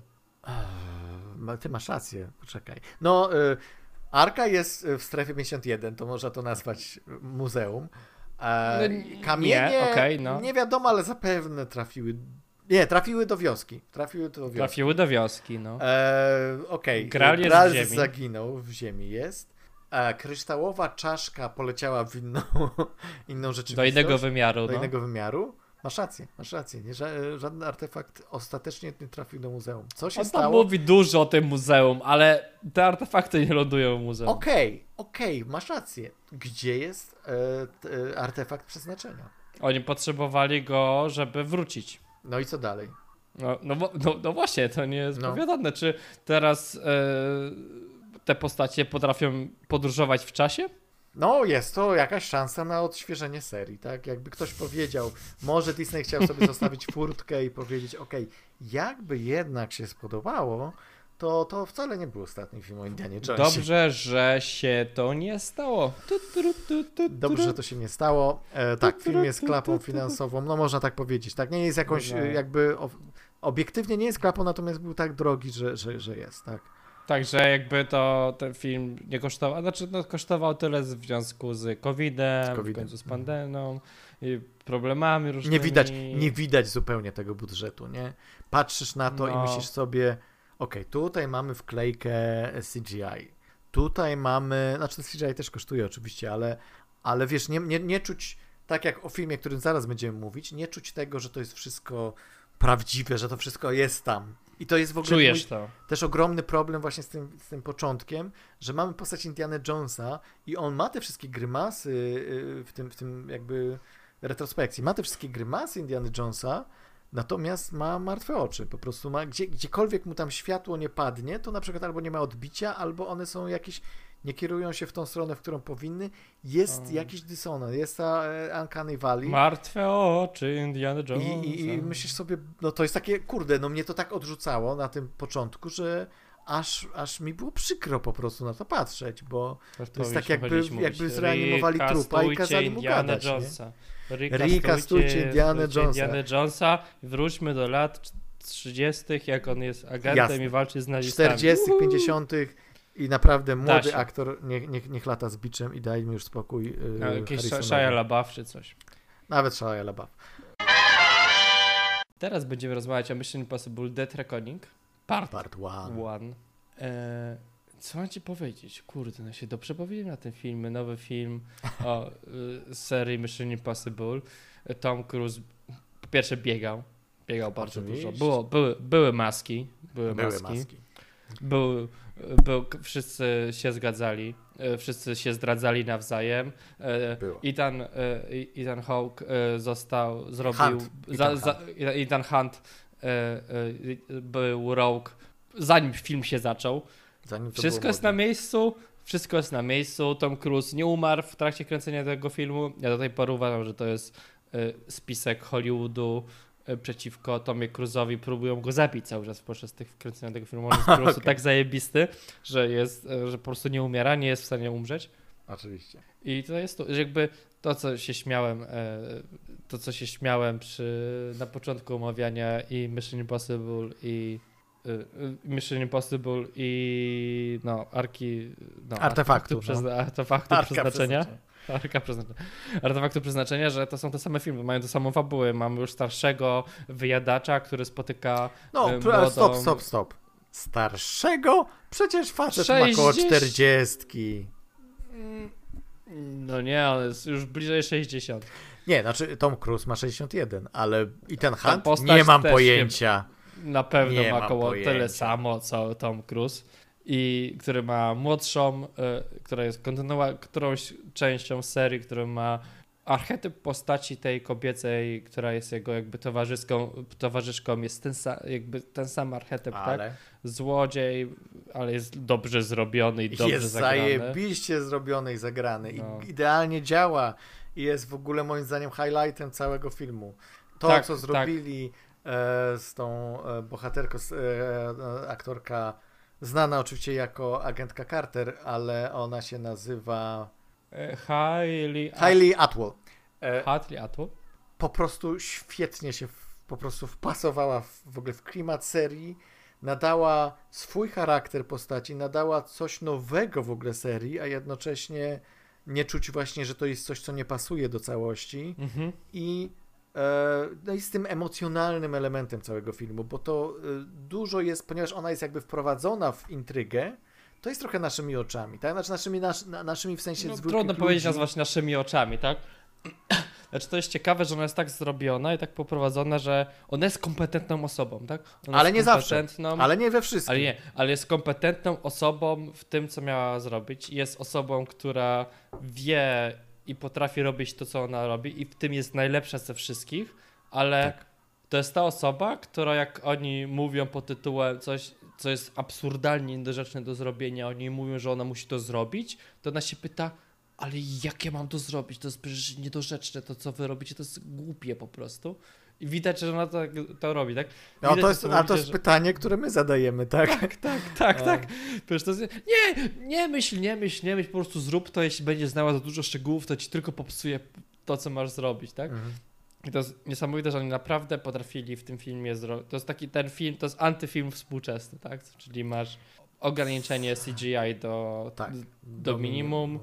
E, masz te postacie, które są kompetentne, które są mają Ale nie są super bohaterami. Nie są, nie są super bohaterami, że oni potrafią popełniać błędy, ale chodzi o tą akcję, o to tempo. Znaczy film akurat tem, tempo ma słabe, ale jakby, że chodzi o tą, wiesz, akcję, chcemy, że ta fabuła służy tylko do tego, żebyśmy robili super fajne rzeczy, które się tam dzieją. Na przykład jak sceny akcji są bardzo dobrze pocięte, to tak na przykład inne rzeczy mają, ten film ma problemy swoje, tak? tak ale masz na przykład ten archetyp tej postaci kobiecej, tej silnej kobiety, tylko że ona nie jest perfekcyjną, idealną istotą, jak na przykład e, w Indianie Jonesie, nie? Tak, tak. Tylko tak, ona to... naprawdę, ona nie jest tak, Ona nie potrafi każdy... na przykład prowadzić samochodu, tak. Tak, tak na przykład, tak taka drobnostka. Ale wiesz, ale to jest tak, że wszystkie, jakby ten film był, wydaje się przemyślany. Widać, że jakby te rzeczy, które tych, tym postaciom sytuacje jakby, można znaczy, to jest film, w którym fabuła jest tylko po to, żebyśmy przechodzili do kolejnych scen akcji. I tutaj to jest sceny akcji, na przykład y, pościg w, w Rzymie. W Rzymie. To był Rzym? To był Rzym? To był Rzym, tak. To był pościg w Rzymie, jakby wszystko, co prowadziło do niego fabularnie, jakby doprowadzało, że my rozumiemy, dlaczego niektóre rzeczy się dzieją mocno, tak? dziewczyna nie potrafi prowadzić samochodu, co nie? I to jest taki problem. To, że oni są związani kajdankami, doprowadza do tego, że oni muszą jakoś się zamieniać i tam, tam, tam robić jakieś rzeczy, że naprawdę jest przemyślane, naprawdę jest dobre, porządne kino i Mission Impossible zawsze tym stało, szczególnie te ostatnie trzy, tak? Które tam były wcześniej, tak? Że one, jak, te, to jest seria, która dzieli się na trzy trylogie, tak? No i teraz są ten, te, te dwa nowe filmy, tak? I to Na trzy trylogie? Było... Nie, nie, poczekaj, poczekaj. Dwie, try... dwie trylogie. Dwie trylogie. Tak? Mhm. Dwie trylogie, tak? I dwie trylogie, to, to znaczy ja bym powiedział tak, dwie trylogie i jeden film pośrodku, czyli y, Ghost Protocol w reżyserii no. Brada Berta, który cały czas jest moim topce. Znaczy nie, nie, nic, nic jeszcze tego, nic go jeszcze nie zbiło z, nie z tego pantałyku z góry samej, nie przebiło. Tam jest po prostu perfekcyjne wyważenie wszystkiego, co, czego oczekuję od mhm. Mission Impossible. Wiem, że każdy może mieć oczywiście inne oczekiwania, ale dla mnie to jest topka. E, i, i, i, e, I mamy tą trylogię właśnie Macquarego, która cały czas jest ma znakomity poziom. Przede wszystkim ma ten poziom realizacyjny, po prostu znakomity. E, jest trochę może właśnie jest problem z pacingiem w tych wszystkich w sumie filmach, bo Trochę zdarza tak, się Macquaremu tak, no. tak rozwadniać fabułę, za dużo gadania jest często, za dużo takiego meandrowania, właśnie trochę jakby gubią się niektóre postaci, ale ostatecznie te finały są takie zawsze, zawsze te finały są super, nie? To jest tak, że no, nawet, powiem, no. nawet powiem więcej, bo Ghost Protocol jest znakomitym filmem, ale akurat do finału miałbym najwięcej zastrzeżeń w tym najlepszym filmie, ale tutaj zawsze masz ten finał, który po prostu ma to jebnięcie takie po prostu w ryja dostajesz i, i czekasz na, na, na kolejną część. E, bo to jest ciekawe, bo to jest taki, to są te filmy, w którym te jakby zazwyczaj jak, jak podnosimy stawkę w filmach, no najbliższym przykładem to jest James Bond, tak, że im dalej idzie, że musisz ten setup i ten, tą ideę tego, co on musi zrobić, podwyższać do góry, co nie? Mhm. Aż w końcu będziemy jak Fast and Furious lecieć w kosmosie samochodami. Tak no. tutaj sama idea, okej, okay, musimy wskoczyć motocyklem na samochód, do pociągu, co nie? Banał, co nie? To jest e, każda scena akcji, a tutaj w tym filmie budują to absolutnie inaczej, budują napięcie tym, co się dzieje w pociągu, tym, co jest na zewnątrz, tak. to, co ja oni muszą zrobić. W ogóle e, zaraz przejdziemy do, do e, spoilerów, bo to jeszcze cały czas, to cały czas nie są spoilery, ale, tak, tak. ale ja mam problem, znaczy to, to, to jest jakby ten moment tej kaskaderki, kiedy skacze Tom Cruise e, z motocyklu, to, to nie jest spoiler, wszyscy to widzieli oczywiście we wszystkich materiałach, ale no ja widziałem w podbudowanie, razy, samo podbudowanie pod to, żeby to no. się wydarzyło jest absurdalne. To nie ma tak, sensu. absurdalne. To, to jest sensu. takie, to jest trochę na zasadzie, okej, okay, niech to będzie, bo, bo Tom Cruise musi sobie skoczyć, tak? E, czy w poprzednich filmach czułem, że jest większe uzasadnienie tych kaskaderek. Trochę tutaj, tak, no. Tutaj, wiesz, jak, jak w, w, czwar, w piątej części się Tom Cruise łapie samolotu, to to jest uzasadnione, bo on czeka, aż mu Simon Peck, czyli postać um, Jezus Maria, jak się nazywa? Benji. E, postać Benji. Benjiego e, mu otworzy tam e, e, cyfrowo mu otworzy drzwi do samolotu, więc to ma sens. Znaczy to w obrębie tego. Natomiast tutaj to jest trochę tak jakby musi się wydarzyć to, że Tom Cruise skoczy z tego klifu. Okej, okay, to zróbmy coś, podbudujmy to fabularnie, żeby to miało sens. Jakby ktoś najpierw wymyślił e, kaskaderski e, wyczyn, a Wyczyn, potem no. dopisał do tego fabułę. Trochę, ta, trochę taki mam wrażenie. Ale te filmy tak się trochę robi. Ale wcześniej tego wrażenia nie tak? miałem. No to, to, Okej, to chodzi, dobra, wiesz, no. bo to jak się robi, to mnie nie interesuje. Chodzi o to, jak, No. jakie masz wrażenie. Um, Dla mnie, ale wiesz, to jest, wiesz, no w tym filmie jest dużo rzeczy, na przykład scena w, no ale to już, dobra, to przejdź, porozmawiajmy o tym w e, spoilerach. to zaraz jeszcze zaraz ze spoilerów, tylko ja jeszcze tutaj znaczy- dodam. Dobre rzeczy, dobre rzeczy. Tak, dobre rzeczy. No tak, to jest oczywiście sprawnie zrealizowany. E, ciekawy jest ten wątek z tym Wilanem, którego mamy głównym. Tak, to, to no jest, jest, jest, to jest naprawdę spoko, na czasie. ciekawe. ciekawe na czasie, zupełnie chyba nie, niespodziewanie na czasie, przecież to ten film kręcili dobre 5 lat temu, zaczęli chyba kręcić, e, więc to jest fajne. Em, no te, te poziom wszystkiego, poziom aktorstwa, poziom realizacyjny wielu scen, niektóre sceny to są majstersztyki absolutne. Scena na lotnisku, mua. scena e, w pociągu, sama, scen, ca- cała ta, cała ta akcja w pociągu, mua. ale w środku to masz takiego po prostu taki kit. Wciśnijmy tam sporo tego. Te, ten wypełniacz, który ma wyrównać ten poziom podłogi po prostu.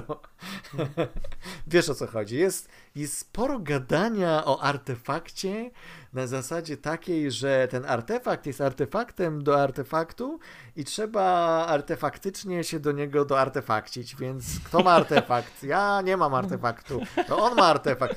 I i powtarzają, powtarzają. I to zaczyna być takie wtórne. Zaczynasz tak myśleć sobie, dobra, niech to trochę A to musielibyśmy wejść w spoiler, żeby tak by to typu. E, znaczy, u mnie z takich minusów to jest tak, że e, tutaj humor jest taki, że e, nie wiem, czy wcześniej w tej serii był taki humor. Trudno mi Mhm. to powiedzieć, ale że tutaj był takie, że był tak, jest taki humor, który jak się dzieje, to cię śmieszy, ale Mhm. za trzy minuty, kiedy o nim pomyślisz, to już stwierdza, że to nie jest zabawne. Trochę. Okej, no to musisz w spoilerach przykłady podać, bo nie No. wiem o co ci chodzi do końca. Dla mnie działał, absolutnie. Znaczy nie, ja się zaśmiałem, ale nie. Ale nie miałem tego później takiego momentu, Aha, o, okej, czemu ja się no. śmiałem. Nie, nie. Tak, że, że, że niektóre rzeczy po prostu były bez sensu. A nawet nie? jak miałem, to myślę, że to jest w klimacie serii, że, że tam ten humor często jest taki głupa, Mhm. głupawy, ale inteligentnie głupawy, można tak powiedzieć. Znaczy tego humoru tam nie ma za dużo, tak? To nie jest tak, że to nie jest MCU, gdzie każdy się przegaduje Nie, i... ale też z drugiej strony jest, ma, masz lekkość tej historii, tak? Tak. Ona nie jest aż tak strasznie posępna i poważna, nawet jak e, poprzedni film e, McQuarriego, czyli Fallout, właśnie też sobie powtórzyłem, właśnie e, Mission Impossible Fallout i tam, tam są takie momenty, takie już, jakby ten ciężar jest większy i to zaczyna trochę nie pasować mi osobiście, bo uważam, że jednak to idealne wyważenie w Mission Impossible między tym, że to jest kreskówka, ale, ale jest taka osadzona w, w rzeczywistości, że tam wszystko jest takie prawdziwe, to, to, to, to jest właśnie ten, no to idealnie Brad Bird to zrobił w Ghost Protocol. E, je, Znaczy, no, no bo to nie jest jak James Bond, że jeśli widzi, że ktoś um, upada z klifu, to w następnej części jest w stanie się pojawić, tak? To nie, tak, to nie, tutaj to, to, są to, konsekwencje związane z, e, Z tym, co się dzieje, z tym, tak? co się To- dzieje. Tak? Znaczy, jeżeli James Bond to bliżej tego kregowskiego Jamesa Bonda niż e, Jamesa Bonda Tak, z Connerym czy, czy z Brosnanem. tego dobrego. No, no. E, tak. Ja z, zacząłem lubić tą serię z Craigiem, także... Nie, nie, żartuję, żartuję, to jest bardzo Dobra, to są bardzo e. Dobra, więc jest jeszcze jedna rzecz, która mi się bardzo nie podoba, naprawdę bardzo, ale to już przejdźmy, przejdziemy do tego do spoilerów, to spoilery. Spoilery. Czy Dobra. mamy jingle na spoilery, Kajdan? Tak, oczywiście. Nie słuchasz naszego Tak. podcastu? Absolutnie. Sam go ja już- nagrywałem. Ten jingle. Spoilery. E, To od razu powiem tą rzecz, e, która mi się tak mega, mega nie podobała i która trochę sprawiła, że zaniżyłem ocenę ostatecznie temu filmowi, bo związana jest z postacią, która cholera jasna budowana była od dwóch poprzednich filmów i która z każdym filmem zyskiwała coraz bardziej na znaczeniu w tej serii i która tutaj ginie. I skoro jesteśmy w spoilerach, to mogę powiedzieć, chodzi oczywiście o postać Rebeki Ferguson, e, czyli o Isle, czyli Isle, Isle, no, nieważne. O, no. O, tą, o tą Szwedkę. E, w każdym razie. O, Ilsa, Ilsa Faust. no. E, ona em, to, że ona ginie w filmie, to nie ma absolutnie z tym problemu, to, to, to jest spoko, tak? Natomiast to w jaki sposób ginie i w jaki sposób, w którym miejscu w fabule ona ginie i co się dzieje potem, to mnie już wkurza, dlatego że e, ona się pojawia w tym filmie co jakiś czas i trochę, trochę, nie, trochę nie ma roli, poza początkiem, ale trochę tam jakby traci swoją rolę. Zyskuje tą rolę w momencie, kiedy trzeba uratować Grace. Jest wielka walka między nią a naszym Gabrielem, czyli tym poniższym złolem, tym nie największym, bo największy to nawet nie jest człowiek, tylko AI. Ale mamy, mamy tego Gabriela, ona z nim walczy i ona w tej walce ginie i właściwie potem I koniec, już, i nic, i koniec, i nic, i nic. i nic, i nic. I mało nic, tego, tak, i no. rzucana jest, scenariuszowo rzucana jest w ramiona Toma Cruza kolejna kobieta po prostu. Na zasadzie masz tutaj na zakładkę, tak? Zginęła jedna, masz tu drugą. To po Trochę prostu tak było się, takie było takie to, uczucie, o no, no, No. no. wiem, no to, znaczy rozumiem, że ta fabularnie ta śmierć, znaczy w ogóle to było tragicznie, że ona umarła, bo to było scena na tym moście w Wenecji to była jedna z najbardziej cringe'owych scen w historii kinematografii. To jak Okej. ona, on jak ona walczyła kataną z tym Gabrielem, on walczył, to, to była jedna z najbardziej cringe'owych rzeczy, jaka kiedykolwiek powstała w historii kinematografii.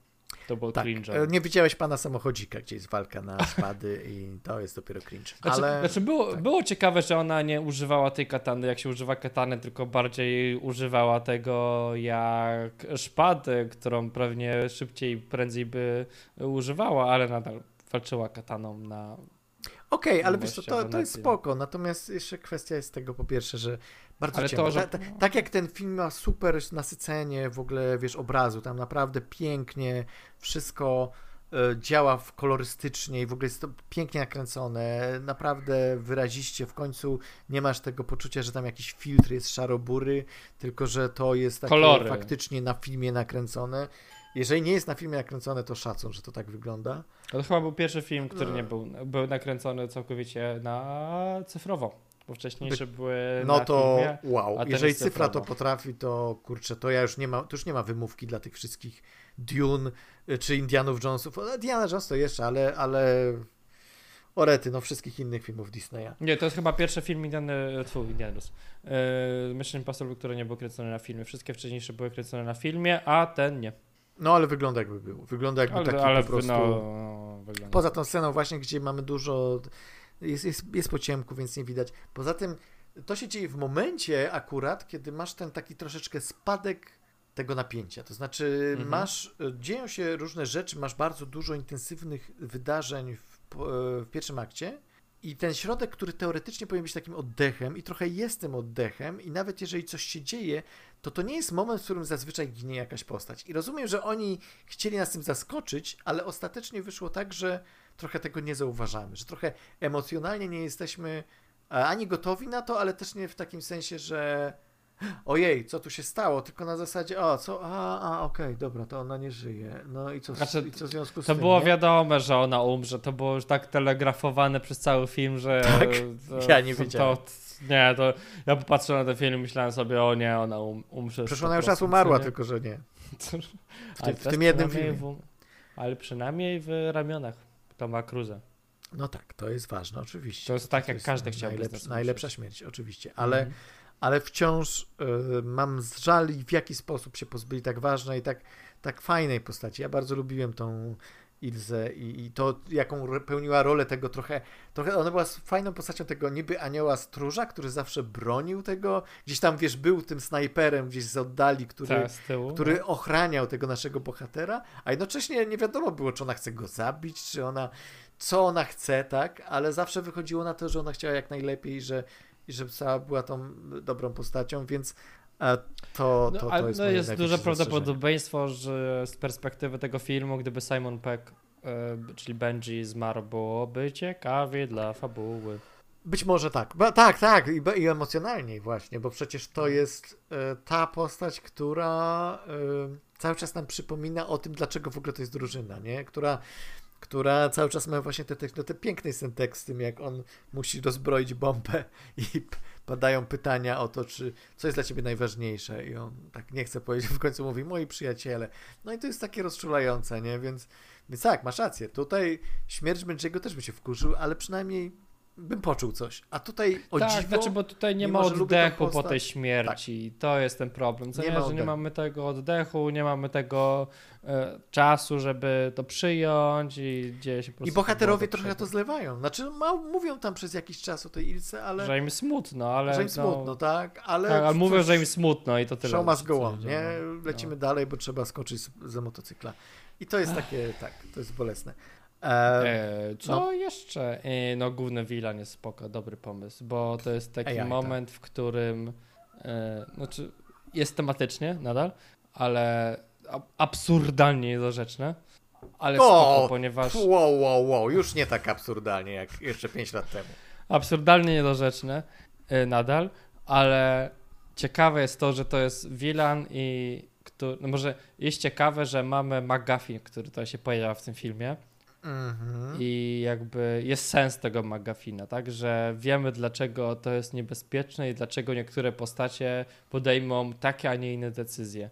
Decyzja Gabriela Ale- o zabiciu Mhm. tego gościa tam z NSA chyba, czy tam z FBI, czy tam z rządu amerykańskiego e, w pociągu była oczywista, tak? No i na przykład no, to jest oczywiste, że jeśli oni mają ten klucz, to oni nie chcą, jakby byli w stanie zniszczyć ten klucz, to by go zniszczyli, tak? Bo oni nie chcą go, bo oni nie chcą, żeby ten AI został w jakikolwiek sposób kontrolowany, więc dlaczego mieliby się łączyć Ale kto nie chce? No Gabriel, tak? Ja i nie chcę, żeby ktokolwiek zdobył ten klucz, żeby Oczywiście. ktokolwiek mógł to kontrolować. Mhm. Więc oni chcą zniszczyć ten klucz, tylko że im się po prostu przez cały film to nie uda. Okej, a, a jakby to całe CIA i to ci wszyscy agencje chcą zniszczyć. Nasi Znaczy, nie chcą bohater- zniszczyć. y, Chcą, zachować. Nasi bohaterowie chcą też zniszczyć, żeby, że, Znaczy żeby, nie, chcą zachować, żeby zniszczyć. żeby zniszczyć AI. E, Okej, e, tylko tak. E, Mm, no, no, no, okej, tam przypomina sobie fabułę filmu. Nie, nie, nie, znaczy nie, nie, po prostu chcę, zastanawiam się, bo chodzi o to, że em, mamy ten klucz i to jest poza tym, że tak jak mówiłem przedspoilerowo, że artefakt artefaktem, to chodzi oczywiście o to, że klucz kluczową, kluczowym elementem tego klucza jest klucz i to było strasznie męczące, bo już tyle razy padło to słowo klucz, Klucz, klucz, że, klucz. że em, okej, ale to jest taki ultra McGuffin, to jest taki McGuffin, że aż to bole, aż bolało. W pewnym momencie mnie to męczyło po prostu, że oni Ale- ale tak wiesz, się mega skupiają na tym McGuffinie, że trochę jakby gubią, czasem miałem wrażenie, że gubią postaci. Mimo, że wracają A, no tak, tym no.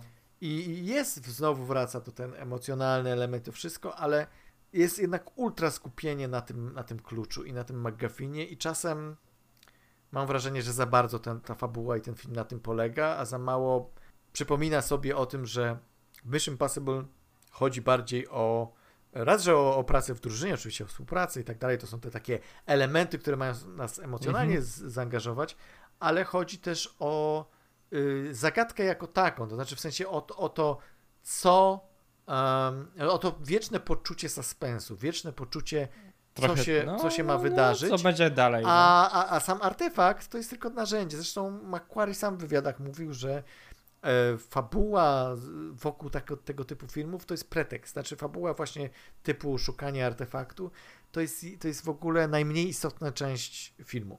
Cała reszta jest najważniejsza. A tutaj trochę mam wrażenie właśnie, że on ma- tak jakby uważał, że jednak jest to ważne, że jednak ten artefakt Znaczy mi się, no, no, no. trochę no, nawet no. oddalał nas od, od, od tej samej istoty tego zagrożenia, jakim jest to AI. Bo Znaczy mi się, znaczy nie, no niekoniecznie, tak jakby mi się wydaje, że on się trochę bał, że ludzie nie zrozumieją po co jest ten klucz i dlaczego niektóre frakcje chcą tego klucza z, z, z ale za dużo to jest powodu. takiego do opowiadania, do tak, wyjaśniania, tak, tak, tak. takiego, żebyś już na pewno widzu wiedział o co chodzi. Oczywiście, i to jest, teraz jest pytanie, czy ty też, bo oglądaliśmy z Magdą film i Magda mówi, że ona, że, że, że początek wytłumaczył, do czego jest ten klucz. Tak, znaczy, który początek? E, Tuż po... Ta, konwersa, ta konwersacja w tym specjalnym pomieszczeniu Tak, ze oni mówią, że tam ludźmi. trzeba coś. Tak, tak, absolutnie to- wszystko wyjaśnione. Okej, i to pytanie cały czas, do czego to służy, do czego to mamy odpowiedź na początku? No tak, no przecież jest wszystko wyjaśnione. ty Masz tak najpierw uważasz? w łódź podwodną, że Tak. pokazują ewidentnie jak działa klucz. Mhm. Wiedzą, że tam jest to, te, to AI, po czym Mhm. nagle mamy scenę y, tam w bazie amerykańskiej. Akurat scena w bazie amerykańskiej, gdzie mają halę, hangar, w którym ludzie piszą na maszynach zajebisty, w ogóle zajebisty motyw, co nie? Tak, tak. tak. E, I wtedy jakby to wszystko wyjaśniają, nic więcej nie potrzebujesz wiedzieć. Możesz wiedzieć, jakby wtedy już możesz się domyśleć, dlaczego różne frakcje potrzebują tego. e, Ale to w takim razie cały czas pada to pytanie, do czego służy klucz. Tak, no cały czas. Ale, Ale dlaczego? No, ale, dla- ale nie, nie, pada pytanie. Do czego służy klucz? Czy wiesz, do czego służy klucz? W końcu dowiemy się, do czego służy klucz. No skoro nam to wyjaśnili na początku, Ale postacie nie wiedzą. Ale my wiemy, no to, to bez sensu, to nie jest żaden suspens, bo to, że postacie się w końcu dowiedzą, do czego służy, to to jest trochę takie, no okej, ale No przecież... Bo suspense tutaj nie polega na tym kluczu, tylko na tych wszystkich rzeczach, które się dzieją dookoła niego. Dlaczego ta postać chce ten klucz, to czy oni w ogóle ścigają go, czy tak naprawdę ci agenci amerykańscy będą chcieli współpracować z tym Ethanem Huntem, czy nie będą chcieli z nim e, współpracować, bo czy przecież tam jest tam przecież rozmowa pomiędzy tymi dwoma agentami Mhm, gdzieś tam mhm, właśnie w mhm. pociągu, a co jeśli to ten Ethan Hunt jest tutaj dobrą postacią, miał co zrobić, czy no może nie my pracujemy dla tych złych, tak? No bo to jest ciekawe, że ten Ethan Hunt i Mhm. to e, e, to tam Mission Impossible M, e, FMI, MI6. tak? Nie, MI, MI6. e, e, MIF, tak? E, E, Mission po- Impossible... IM, IMF, IMF, IMF, IMF. Mhm. że to IMF, y, że on jakby jest jedyną jakby oso- mhm. jedyną grupą, która chce zniszczyć to AI, a wszyscy inni chcą go zdobyć, żeby kontrolować Dla władzę nad kontro- światem, Oczywiście, tak? Że to oczywiście. już jest moment, w którym jest całkowite szaleństwo i każdy jest zły oprócz nich, nie? Ale moim to zdaniem znaczy- to jest za mało. Ich Moim, ścigają, ścigają. moim zdaniem to jest za No, mało i moim zdaniem twórcy wiedzą, że to jest za mało i nie by co powtarzaliby cały czas ustami bohaterów, do czego służy klucz, wyjaśniają sam od początku, do czego służy. Moim zdaniem to jest zmyła, to jest takie na zasadzie, ok, jak użyjesz tego klucza, to możesz na przykład sprawić, że coś zniknie, ale z radarów, ale to jest za mało. To jest. E, ja, ja trochę podejrzewam o co chodzi, ponieważ e, i tutaj mogę, to nie są spoil, znaczy mogę zespoilować ciąg dalszy, ale mam No. podejrzenia o co chodzi, o jaki jest wiesz, większy obraz tego wszystkiego. Bo mamy tego Gabriela, który y, cały czas jakby przewiduje trochę, co się wydarzy, nie? No bo mu podpowiada sztuczna inteligencja. Ale skąd sztuczna inteligencja to wie? No, z- ze wszystkich informacji, które zdobywa z internetu i może analizować je w odpowiedniej ilości czasu. I, I jakby do czego to służy? W sensie, Co co może być, e, czego może, na, na czym polega wielkie niebezpieczeństwo związane z e, sztuczną inteligencją? No bo przecież ona jest w stanie zmieniać tym- informacje. Nie ona tylko na zmieniać tym, informacje, manipulować informacjami, tak, ale to znamy, wszystko. jasne, ale, No. ale to jest tylko takie, wiesz, na zasadzie takiej realistycznego podejścia, takie, że okej, sztuczna inteligencja zbiera No. informacje i można zagrażać, tak, ale to nie jest, to nie jest ciekawe w Mission Impossible, tak? Mission Impossible musi być coś, y, co nas rozwali nam mózgi, tak? I moim zdaniem, ja podejrzewam, że chodzi o to, że sztuczna inteligencja jest w stanie wysymulować y, w swoim wielkim mózgu wszystkie możliwe wydarzenia, Ale to uprze- wyprzedzać. To mówię o tym przecież w filmie. Że, ona jest, że ona przewiduje przyszłość i na podstawie tej analizy, przewidywania tego, tego, co jest, istnieje teraz, jest w stanie przewidzieć najbardziej prawdopodobne rozwiązanie tego, co będzie w przyszłości. Dlatego tym Gabrielem, Gabriela wysyła w Mhm. odpowiednie miejsca, żeby wszystko zaplanować. Okej, To, no to dobra, powiedzieli może, w filmie. No, no spoko. Może ja nie dosłyszałem. To w takim razie moja wielka teoria Poszłeś na temat siku. tego. Wiesz co, nie, nie, nie poszedłem siku, ale szczerze mówiąc trochę przesypiałem momentami. E, Zostałem w środku, gdzieś, gdzieś miałem takie momenty. No. Ale e, okej, dobra, czyli jest to w filmie zawarte, ale wciąż Tak. e, może to być rozbudowane do takiego zagrożenia na zasadzie. Nie wiem, czy ty widziałeś e, serial Devs? Widziałem. To wiesz o co chodzi, nie? Znaczy, mi się No. wydaje, że to może iść w tym kierunku, że, że e, pełna kontrola nie tylko nad rzeczywistością, jaką mamy, ale też nad wszystkim, co będzie. I to, e, to znaczy, no, no, no, jeżeli mówisz, że dokładnie o tym mówią, no to trochę szkoda, bo w takim razie, e, znaczy inaczej, nie szkoda, bo może wymyśli jeszcze coś ciekawszego, ale, ale ja cały czas uważam, że to nie kończy się w sposób taki, że okej, no ona po prostu e, jest w stanie przetwarzać informacje i dla, dla No złych tak, celów. Znaczy, potrafi przetwarzać informacje Znaczy, w inaczej- dużej ilości, żeby W- potem móc inaczej, przewidywać przyszłość. ale ten klucz konkretnie do czego służy? do tego, żeby wejść do tej łodzi podwodnej, żeby Mhm. otworzyć ten safe, w którym znajduje się kod źródłowy, żeby móc kontrolować i lub zniszczyć sztuczną inteligencję, która ma samą świadomość, ona, jest, ona ma, ma osobowość. Ona Jeżeli to jest osobą. wszystko, jeżeli to jest No. wszystko, to co teraz powiedziałeś, to jestem mega zawiedziony tym. To znaczy, w ogóle jak to jest zbudowane, jestem mega zawiedziony, bo cały czas nam się buduje e, w filmie ten, to, to, tą, zagadkę i to pytanie, ale do czego to służy, do czego jest No, klucz? żeby wejść, Ja ale nie to, wiem, to ja było nie na wiem. początku filmu pokazane, co Ja- się dzieje ale- na łodzi podwodnej. Ja- Już tam No ale to w takim razie, Doroczyński ci powiedział, jak używać tego klucza.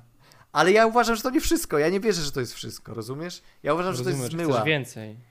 Ja uważam, że to, że oni wyjaśnili, ja wiem, że oni to wyjaśnili, ale chodzi o to, że moim zdaniem to jest zmyła, że w drugiej części faktycznie dowiemy się do czego e, Mi się wydaje, klucz, że bo jeśli nie, trzeciej to to jest będzie wielki po- no, błąd. Clue trzeciej części będzie polegało na tym, że okaże się, nadzieję, że trzeciej. clue drugiej części będzie polegało na tym, że oni pójdą do tej łodzi podwodnej, zejdą na dół, będą próbowali to odkryć i okaże się, że tego tam nie ma i że to jest gdzieś przeniesione i muszą dowiedzieć się, gdzie to jest przeniesione, a to będzie polegała druga część.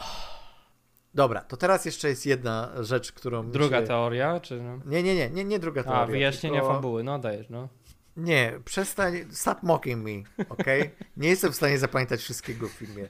Szczególnie w filmie, który trwa 2,5 godziny, co nie? Dokładnie, właśnie, a propos, dwie i pół godziny. Moim zdaniem to jest nieuzasadnione. Nie, absolutnie. Tam jest mnóstwo dłużyzn, tam jest mnóstwo wypełniaczy i myślisz sobie, dlaczego w ogóle te podzieli na dwa filmy? Przecież to spokojnie Tak. mógł być jeden film. Bo Nie wiadomo, co wymyślili w tym, wiesz, e, Nie, szukaniu... tak, tego- nie no, wiadomo, panie, jasne, ale jeżeli, no. w- jeżeli drugi film to jest po prostu tak naładowany, to jest bardzo możliwe, bo, bo mamy to, znamy to z Harry'ego Pottera, tak, gdzie mamy podział na dwie części, gdzie pierwsza to jest po prostu snój straszny, a druga to jest faktycznie naładowane wszystkim. Ale... Mi się wydaje, że oni mieli pomysł na jeden film, okazało się, że jest trochę za długi, więc podzielili go na dwie części i dodali trochę więcej rzeczy. No tak pewnie. A mi się wydaje, że mieli pomysł na jeden film, ale stwierdzili, ej, jak zrobimy dwa filmy, to zarobimy dwa razy więcej Dwa razy kasy. więcej pieniędzy, uhu, no. Więc i tutaj widać, bo tu na przykład mówimy o, o, o super e, scenie z pociągiem, o, jeśli chodzi o scenę akcji, super scenie pościgu i no scena na lotnisku jako taka No scena, scena, jest tak? spoko, jest dobra, no. I no I gdzie są- gdzie jest pięć innych scen, które są w każdym Mission Impossible. Jak masz Mission Impossible, to jest, no mówię, co najmniej wielkich takich masywnych scen akcji, y, pięć co najmniej, gdzie No, no, e, się gdzie- gdzie no, bohater musi- scenę w tym klubie, klubie w Wenecji, no ale to... Nie, nie, nie, to jest no, przerywnik, nie, to nie jest było przerywnik. no. Tam jest ga gadanie głównie. Więc e, masz po prostu, e, mam wrażenie, że oni mają te pięć scen, ale rozłożyli to na dwa filmy. I No, że będzie, to tutaj zrobią dwie, trzy i tam zrobią dwie, trzy wielkie, epickie sceny akcji. I to jest, to jest trochę takie, no, czuję takie, wiesz, no czuję ten pieniądz, no czuję, że ktoś tutaj Rozumiem. chciał Śmierdzi pieniędzmi, no. sprytnie, sprytnie zarobić na tym filmie. No, E, No i jeszcze tylko z plusów, nie jest to do końca spoilerowe, ale, ale raz, że tak jak mówiłeś, Tom Cruise, to jak on wygląda, jak się rusza. Czasem to biega dużo, nie zawsze z sensem, nie zawsze to ma u, u, y, w uzasadnienie każdym, fabularne, w każdym filmie Tom Cruise musi biegać, to jest zasada. ale zawsze to ma uzasadnienie. A tutaj, A tutaj nie. po lotnisku. A na potem lot, gdzieś jeszcze nie, nie biegał. po, na lotnisku lat biegał. Tak, na lotnisku biegał, to było uzasadnione, ale jeszcze było kilka scen, gdzie biega i to było takie, prze, przebiega po Wenecji, tam dużo biega. Nie zawsze to miało sens, nie zawsze to miało uzasadnienie, Dużo biega, ale biegał. dużo biega, no. Dużo E, I e, p- oczywiście o, o Atwell już powiedzieliśmy, ale chcę też wspomnieć Pom Clementif jako Paris, e, która jest świetnie w ogóle taką wyrazistą wilanką, ta, ta, ta Harley Quinn tak naprawdę. E, I Vanessa Kirby jako Alanę, która tutaj też, też e, Rozwala. no naprawdę mogła roz, e, wiesz, rozpostrzeć aktorskie skrzydła i rzeczywiście pokazać e, się od różnych stron takich charakterologicznych. Więc tak, ja też polecam. E, no mówię, to nie jest moja topka, to nie jest moja top 3 y, Mission Impossible. Dobra, więc to byłoby na tyle w dzisiejszym odcinku.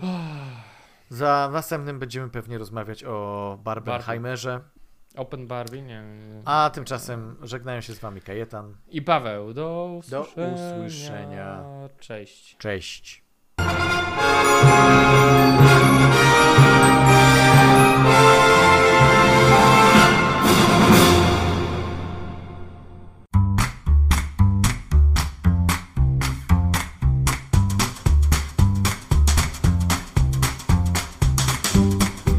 Słuchaliście podcastu filmowego Kinotok. Zachęcamy do subskrypcji. Można nas też znaleźć na Facebooku pod adresem www.facebook.com/kinotokpodcast.